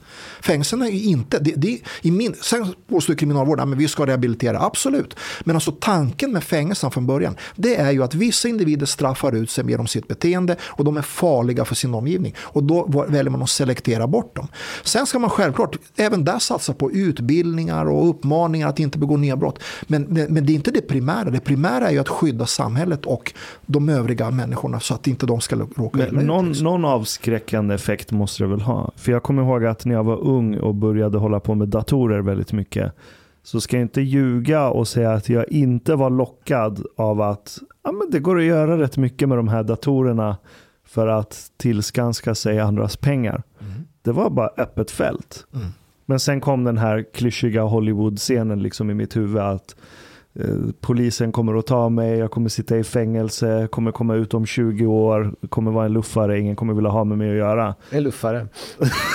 Men, men alltså, jag tror inte det är, så, det, det är inte särskilt trevligt och, och liksom, att nu är klockan så här mycket, nu ska du in i det här lilla rummet och så vrider man om låset och du kommer inte ut. Det kan ingen påstå, även om gängmedlemmarna påstår att ah, men vi garvar bara och vi tränar upp oss. Absolut, det är vad du säger. Men vad är det du tänker, vad är det du gör? Du är inlåst och du tänker förmodligen inte, åh vad härligt det är att bli inlåst i det här lilla rummet på, på sex kvadratmeter. Liksom. Så jag tror inte att det är så jävla tufft, men det är en, en kortare period och, och det, de, de tycker väl att vi, vi kan brösta liksom en trea eller femma eller vad det är liksom, för, för att kunna begå det här brottet, för att bli en hundra medlem liksom, i, i gänget. Jag, jag vill bara förtydliga, det var inte andras pengar som jag ville eh, anförskaffa mig själv, utan det var eh, bankernas Banken. fake-pengar. Ja, men det känns ännu bättre, tack. Ehm, Nej men jag menar jag hade empati, jag vill inte skada någon annan. Det är inte det jag vill göra. Och det kanske var det som hade varit mest avskräckande, att jag tar någon annans pengar. Men jag, jag har en fråga till er. Om, du, om du fick ett trollspö till att förändra polisen i Sverige idag. Och du fick alla medel och resurser du behövde. Eh, vad hade du velat göra? Man kan inte göra allt, men så här, de, den första saken du skulle ta tag i. Ja, den första saken som jag skulle vilja ta tag i det är pågående dödliga våldet. Och det är riktat åt två håll. Det ena är gängen och det andra är ju det pågående dödliga våldet mot kvinnorna i bostäderna. Att, att utveckla och jag tror att vi är på väg att, att börja jobba i de delarna. Men, men hade jag trollspö och bara göra så här, då skulle jag vilja att det var färdigutvecklat, att vi har både som, som, som Hanif är inne på, liksom ett brottsförebyggande arbete där vi i god tid letar signaler, där vi vet att i den där lägenheten, där hörs det skrik väldigt, väldigt ofta. Inte vänta på att någon blir ihjälslagen och så går vi in med tekniker och börjar jobba i efterhand, utan redan ringa på dörren och fråga ursäkta, hur är det? Och säger de dra åt helvete, du har inte med det att göra. Okej, då vet vi det. Men det var ändå, bara de att tryckt in den där dörrklockan och stått där i uniform och ställt frågan hur är det? Så har vi redan signalvärde att vi har koll på den här lägenheten. Så att man kan liksom förebygga och komma, eller höra av grannarna som, som kanske ringer och uppmanar oss att sprida den informationen så vi kommer så tidigt som möjligt. Och likadant gängen, att ännu mer jaga vapen och att kanske tajta till liksom, hur ser införsel ut av varor och smuggling och liknande. Det är ju tullfråga med det. Men, men liksom att vi tajtar ihop det samarbetet ännu mer så att vi bara strypa det här och sen rekryteringen till de här gängen titta, hur ser det egentligen ut? Nu är det ingen kritik mot, mot, mot liksom där, där ungdomsvård pågår, men man tittar lite närmare och börjar granska lite mer. Hur ser det här ut? Är det här riktigt bra som det är eller går det att göra någonting annorlunda? Jag tror att det går att göra en jävla massa saker annorlunda. Men att strypa rekryteringen i det området och givetvis i skolan. Hur, hur då? Hur kan vi göra saker och ting annorlunda? Ja, alltså vi måste se över det, det, det, alltså unga kriminella skickas och det får inte bli så att när man åker på, på en sån här in, vårdinrättning att du går dit med kunskaper i liksom hur man begår inbrott och sen när du lämnar det då har du kunskaper i hur man begår grova våldsbrott. Liksom. Och hur ska, hur, ska det, hur ska det förebyggas då? För jag ja, menar, det... alla säger ju samma sak att inlåsning, eh, inkapacitering gör ju att eh, man, man utbildas under den här perioden. Mm. Så hur, hur skulle vi konkret kunna komma på andra lösningar? En variant är kanske att man inte har samsittning med alla de här individerna. Det skulle kunna vara så. Jag, jag, jag, vet att när jag gjorde de här besöken, vi besökte en familj där en av de här killarna var placerad hos en familj. Och då träffar han mamman och pappan och sen de här syskonen som var, de håller inte på med några brott. Mm. Och då träffar man helt andra. Det kan ju vara en variant. Och se att så här kan man också leva ett liv. Så, så det, det, kan vara en variant på, på det hela. Och det, det, är säkert ingen nyhet, det gör man säkert redan idag. Men att kanske göra det i ännu större utsträckning. Men, men att, att stoppa in alla gelika på ett och samma ställe, det är som du säger, det kan vara kanske kontraproduktivt för ungdomar. Om vi tittar på eh, polisens arbete i utsatta området. Eh, är polisen rustad och anpassad utifrån den problematiken som vi möter? Nej, jag tror att vi, vi behöver dels för det första, och det, det är sådana här klyscha som alla säger jämt, men, men jag menar verkligen, vi måste ha fler områdespoliser. Och när jag pratar om områdespoliser, då, då är det liksom inte sitta i en bil och rulla genom Rinkeby torg. Och, och eyeballar folk. Liksom. Det, det, då har man inte uppnått någonting. Utan du ställer bilen och du går boots on the ground. Man går in där och pratar med dem. Sen tror jag stenhårt på teorin att i ett demokratiskt samhälle så speglar myndigheterna hur samhället ser ut. Det betyder alltså att om du har 50% kvinnor i ett samhälle, ja då så, ska, så ska myndigheten se ut för att du ska vinna legitimitet i övriga samhället. Är det så att det finns en viss procent av till exempel afghaner i ett visst samhälle, ja, då ska en viss del av poliskåren återspegla detta. Det går inte att i samhället har du 10% med invandrarbakgrund medan alla poliser är bara män och de är blonda och de är 1,80 och de har breda axlar och smala midjor. Det testades ju mellan 1933 och 1945 i Tyskland. Det gick inget bra.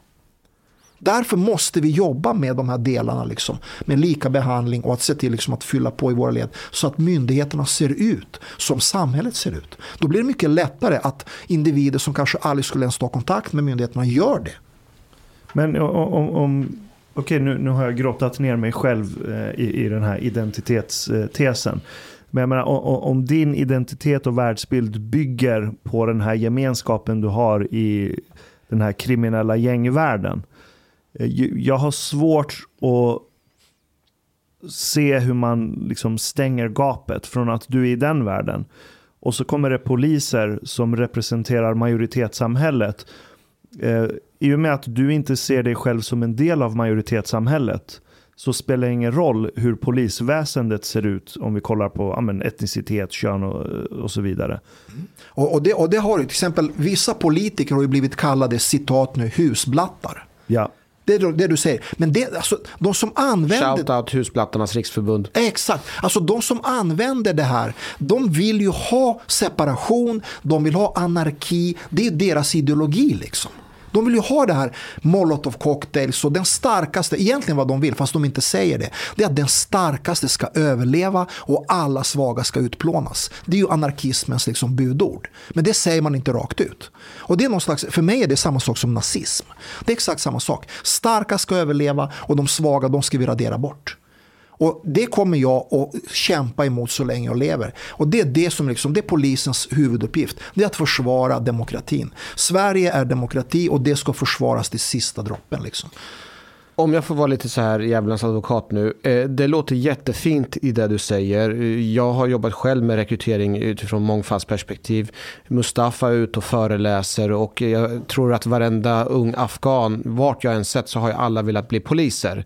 Mm. Så vi har ju tagit vår del, eh, vårt ansvar och ut och föreläst och jobbat med de här frågorna. Men så som jag uppfattar så är kanske problemet någon annanstans. Och det är kanske internt inom vår organisation.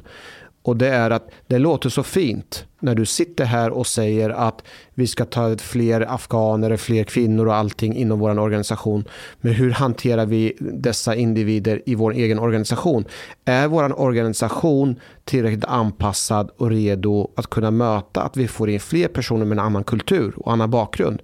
För när jag om jag tolkar dig rätt, så handlar det egentligen inte bara att personerna ser ut på ett visst sätt, utan att personerna i frågan ska kunna vara sig själva inom vår organisation. Mm. Det vill säga att vår organisation ska inte baseras på att vi är en smal, där man ska tycka och tänka på ett visst sätt. Vi pratar så jätte, jättefint kring frågor kring mångfald, men hur ser det ut egentligen med frågor kring mångfald? Hur ser det ut med frågor kring att tycka och tänka olika? Om vi tittar i chefspositionen, eh, där du är och där andra andra är hur, många som är, hur, hur mycket mångfald finns det där? Inte i form av utseende, men utifrån vad man tänker och eh, tycker och verkar för. Hur ska vi kunna ta emot till exempel eh, typ en hel, en, vi har, jag tror att vi har över 100 000 somalier som bor i Sverige. Men hur ska vi kunna rusta vår organisation där vi får många fler unga svensk-somalier som ska kunna vara sig själva och verka i vår verksamhet och kanske kunna bli chefer och där de blir accepterade för det. För det uppfattar jag, det är där egentligen vi har problemet. Hänger du med? Jag hänger med. Och, och det som du säger, det är inte bara att rekrytera och värva och ta in. Utan när du väl får in dem sen, sen gäller det också att vårda det du har. Så att inte de sticker eller, eller eh, tänker liksom att ja, men det här var inte alls det jag hade tagit emot. Så att, och där måste vi vara väldigt noga med. När vi märker inte om, utan när vi märker att någon utsätts för någon form av felaktig behandling på grund av olika anledningar. Du är si eller så och så vidare. Det spelar ingen roll vad det är. Det ska inte accepteras och det spelar ingen roll om det handlar om afghanska kollegor, somaliska kollegor eller svenska kollegor. Ingen i vår myndighet ska bli, behöva bli utsatt för det. Sen kommer det, det har funnits, det finns och det kommer att finnas. Men vi måste konsekvensutsätta de individerna som gör det på en gång gång. Och vi har rätt verktyg. Det enda som krävs det är lite, lite ryggrad, lite, lite mod. Att våga säga, hörru du ursäkta, men vad, fan, vad menar du med det där? Varför säger du så till honom eller henne och så vidare? Att ta upp det på en gång. Och, och kväsa det redan i början. Eller tyvärr, om det är så att det är ett brott, då måste vi kunna hantera det. Vi kan inte sitta och sopa saker och ting under mattan och låtsas som ingenting. Därför att det kommer att bli ännu värre. Det är som cancer. Upptäcker du det tidigt och sätter in rätt åtgärder på en gång. Det är som en förkylning. Du kommer att operera bort det och det kommer inte knappt märkas. Det blir kvar ett litet ärr. Men om du bara låter det bara fortgå, fortgå, fortgå, då kommer du få gigantiska problem. Och det är någonting som vi, vi kan, vi kan aldrig bocka av det och säga att nu har vi gjort det. Det är ett ständigt pågående process i vår myndighet. Och det gäller att alla chefer är ambassadörer och för denna fråga. Och den ska i min värld finnas på varenda ledningsgrupps eh, dagordning. Men är, man, är cheferna ambassadörer för mångfald, mångfald av idéer? Jag tror inte att vi är det i, i dagsläget, men jag tror att vi är på väg att bli betydligt bättre. Rikspolischefen har ju själv aviserat de här sakerna jag säger nu. Där, där han till och med går ut i en film. Den finns för, för varenda kotte som, som liksom är, är någorlunda liksom vid sina sinnens fulla bruk kommer att se den här filmen i vår organisation. Va? Den kan man inte bara skita i. Den är 105 sekunder, den filmen. Men den säger så jäkla mycket.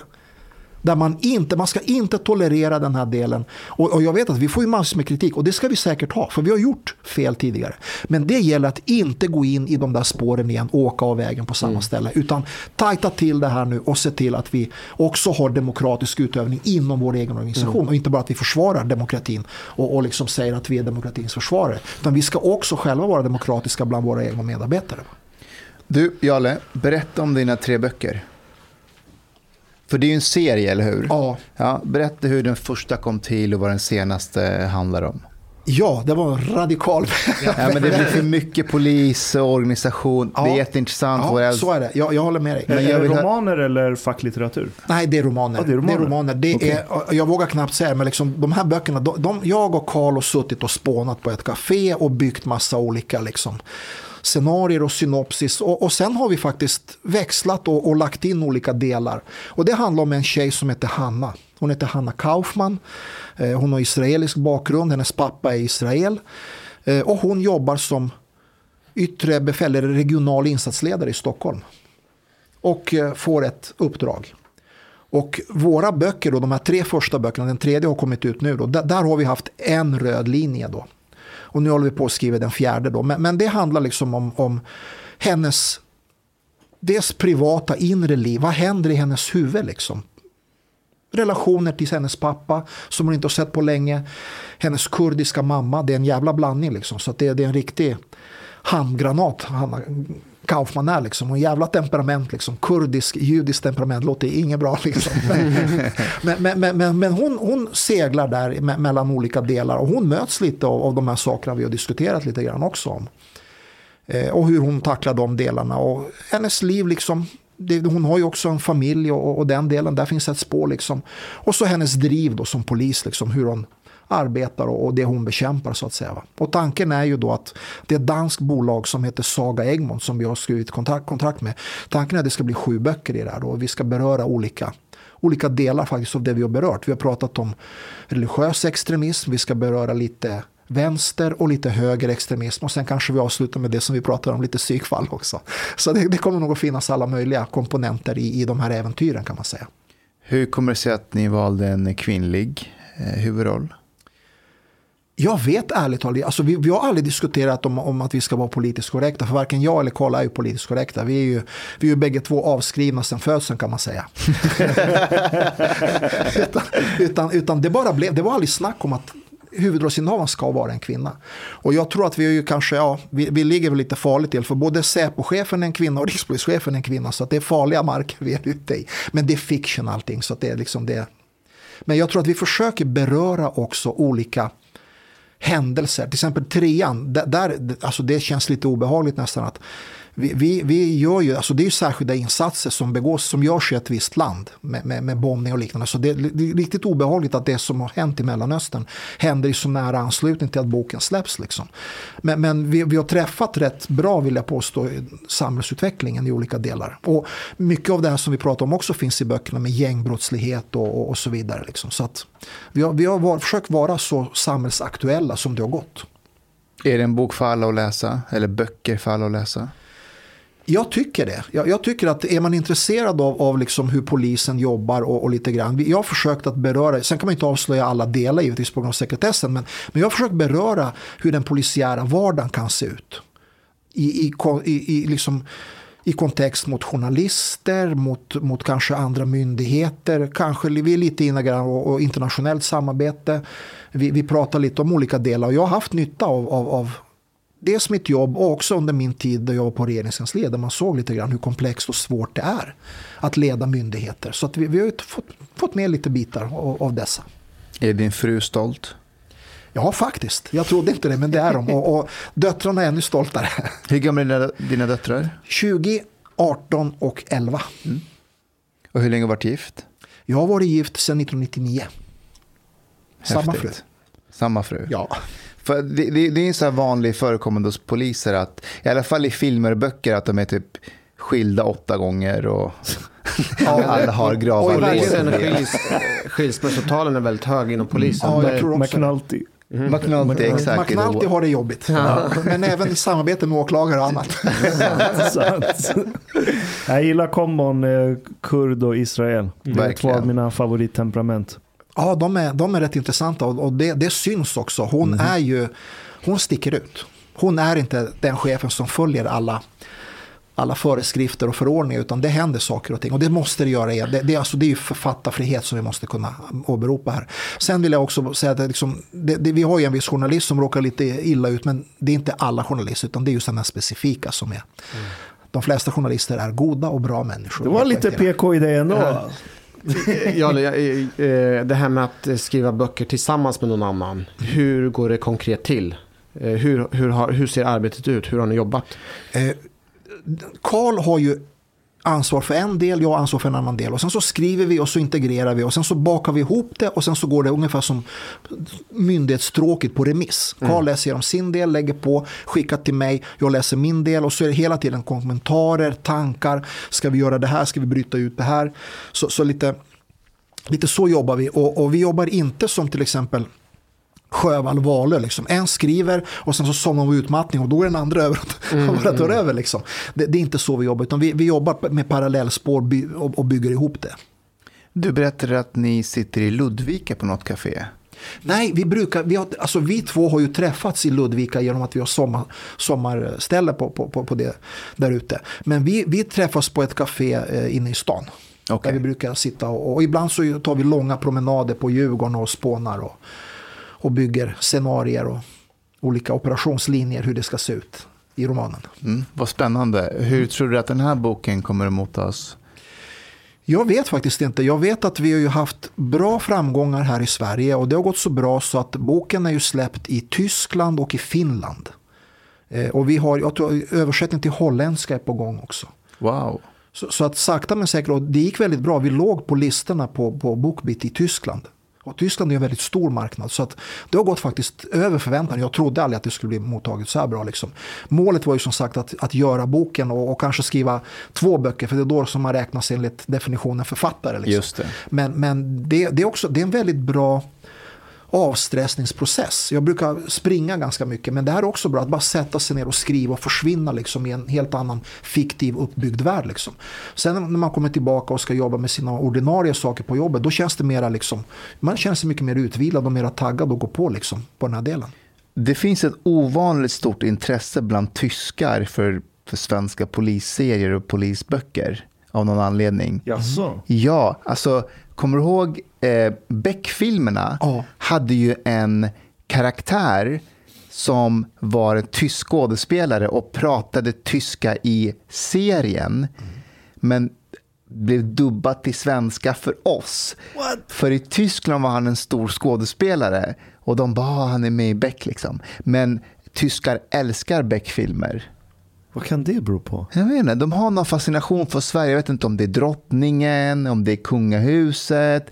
De är avundsjuka för att de inte har kungligheter. Jag vet inte. Nej, men de, de åker jätteofta på semester till Sverige och älskar liksom eh, stugorna som de kan liksom se och även naturen. Och, var det inte ett tag att de till och med snodde med sig sådana här skyltar som föreställer en ren tror jag. Det var, Ja, det gjorde de. det var, det var en viss. Mm. period. Inte alla men några liksom ägnade sig åt det. Så att jag tror att just böcker och framförallt deckare då. De, de går väldigt bra i, i Tyskland av någon konstig anledning. Jättemärkligt men så är det. Sen historiskt sett så var vi schyssta mot dem. De fick straffrabatt. Ja, de fick straffrabatt. De, de, de är här för att testa oss. Är ni fortfarande på vår sida? Gillar ni oss? Och vi bara, vi tycker ingenting. Vi är Schweiz. Men berätta, det var ju någonting kopplat till SVT. Det var, ju- var det någon SVT-inslag eller vad var det för någonting? Ja, jag, jag hade ju ett väldigt annorlunda språkbruk i sociala medier. Och, och dessutom så la jag ut ofta när, när vi hade liksom haft möjlighet att inte liksom förstöra en förundersökning utan när det var helt OK så la vi ut bilder på de beslag. Mm. Och oftast var det vapen och där störde sig några journalister på alla grande. Och de tyckte att dessutom kontot var inte knutet till polisen och sen så ifrågasatte man också antalet gripna. Hur kunde det bli liksom möjligt att, att ni har genomfört 300 gripanden liksom, när det bara finns 100 gängmedlemmar?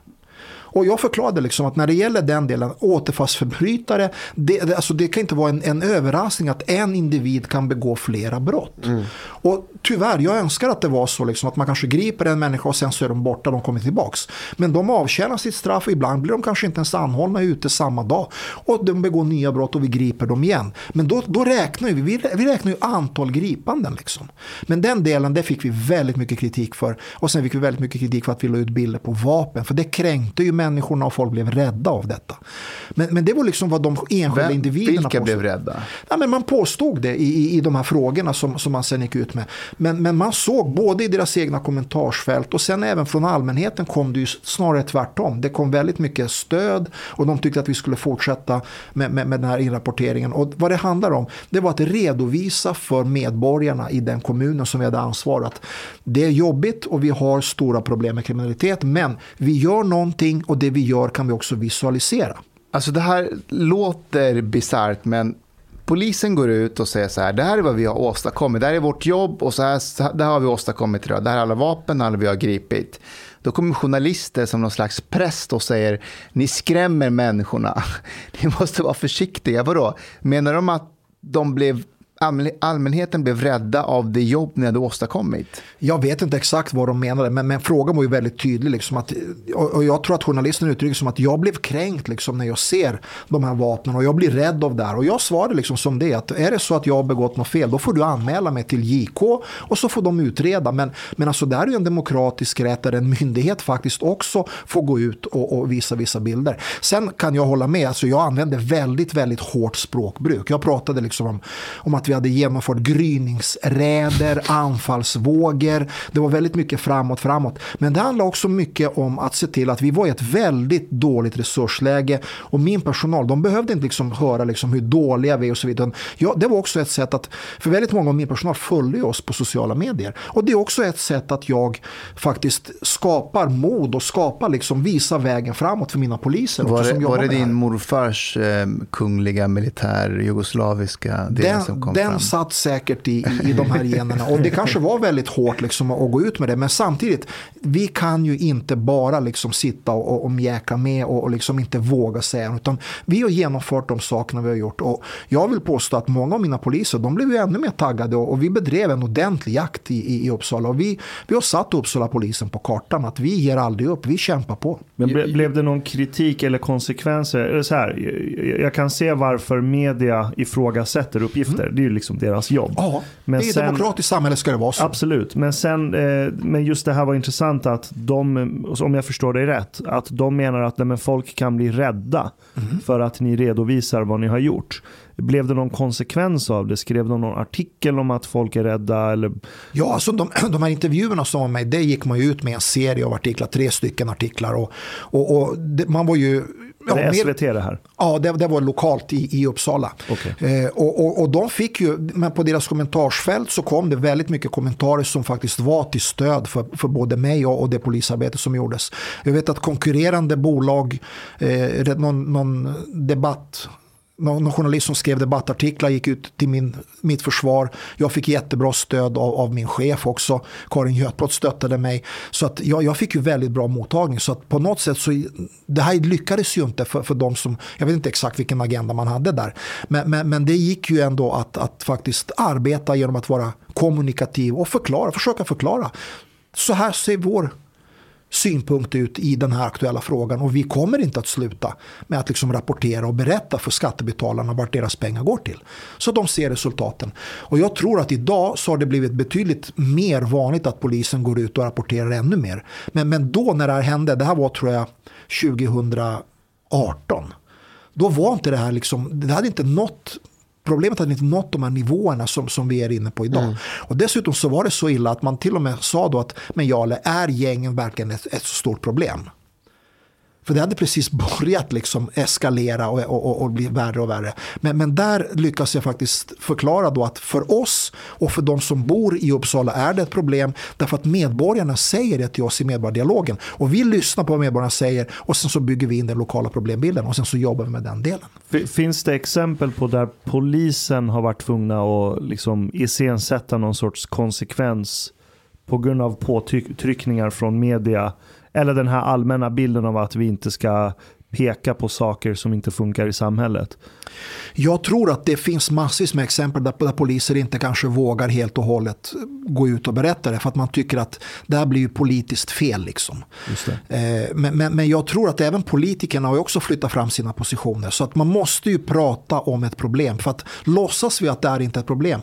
Det, vi, kan, alltså, vi kan ju inte säga att, att vi inte har väldigt höga dödstal bland unga män 15 till 25 till exempel.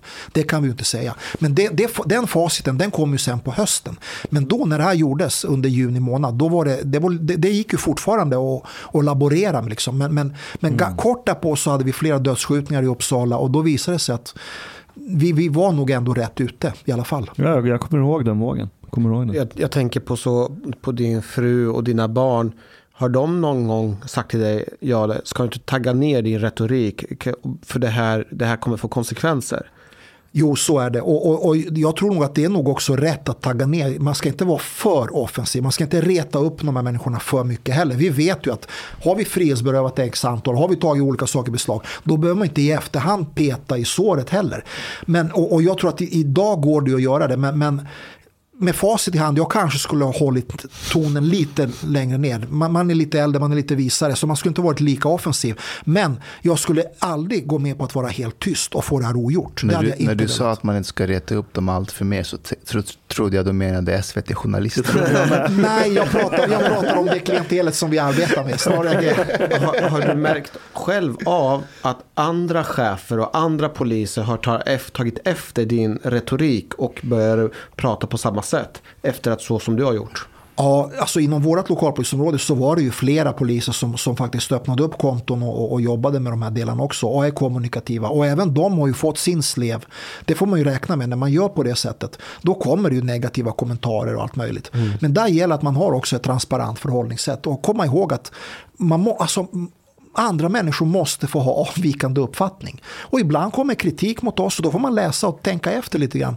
Är det någonting i det här som vi kan ta till oss och göra någonting konkret av? Och ibland kanske det är helt obefogad kritik, ja men då får man låta det vara. Men alltså vi måste komma ihåg, demokratiskt land, journalister ska kunna granska oss och ställa frågor utan att vi blir arga eller kränkta eller liksom att vi blir irriterade.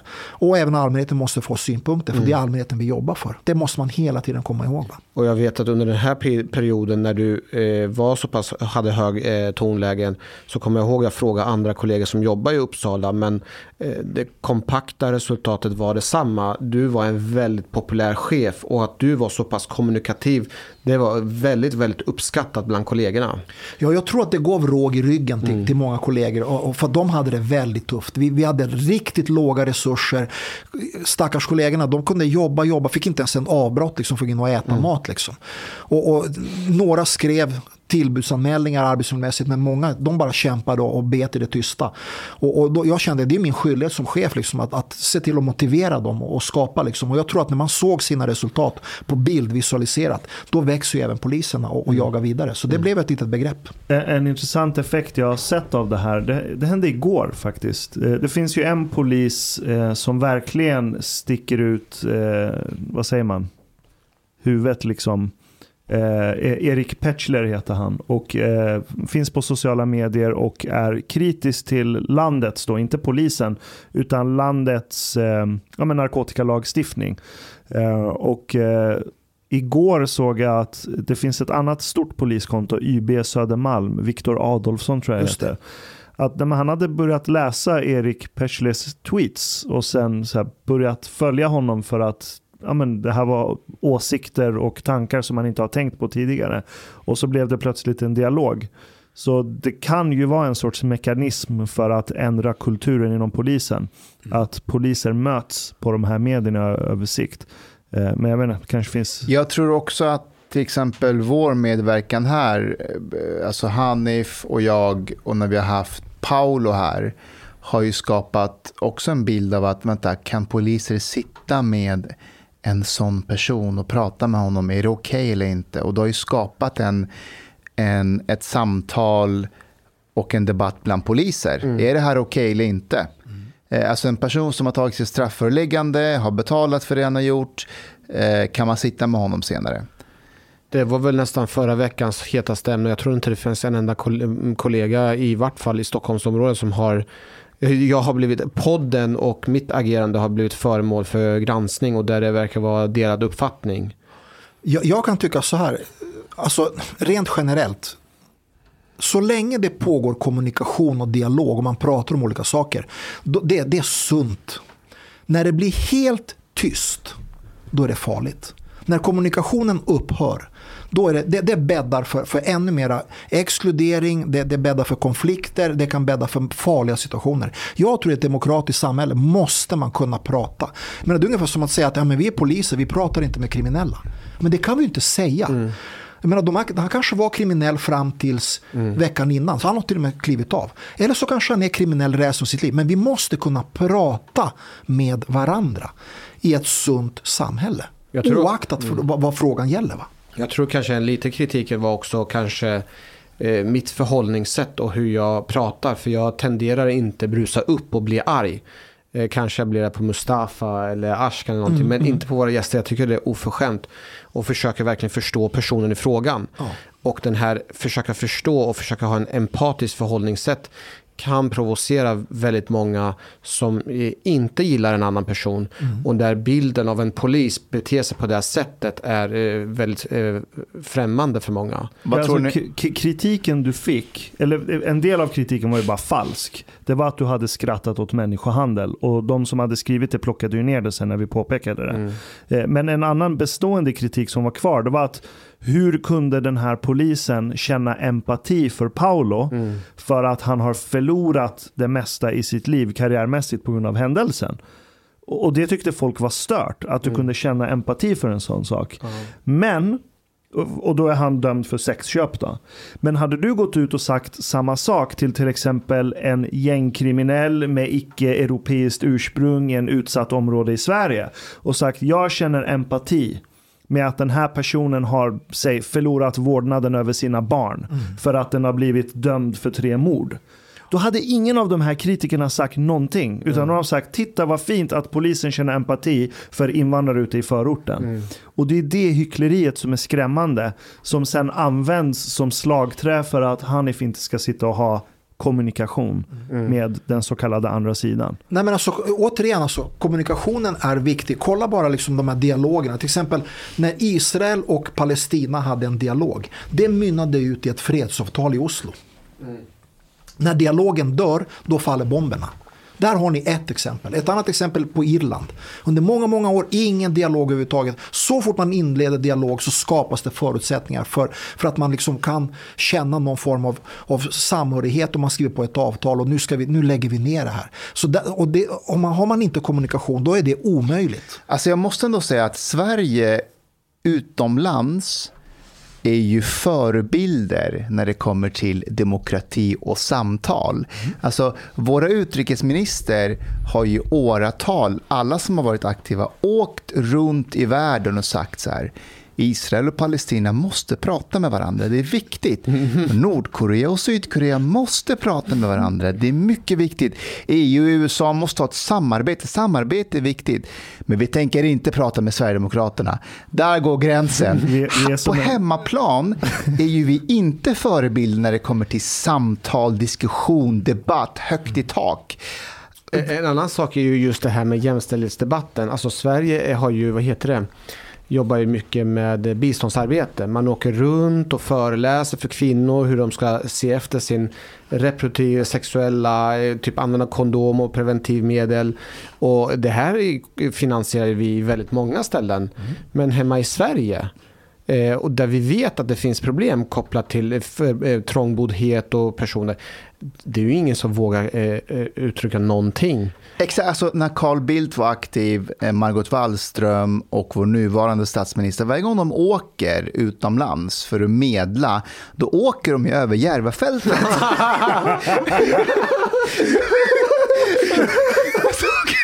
till andra sidan för att medla och vara diplomatisk. Vet, ni vad vi är? Vet ni vad vi är? Vi är som en internationell Kapten Klänning.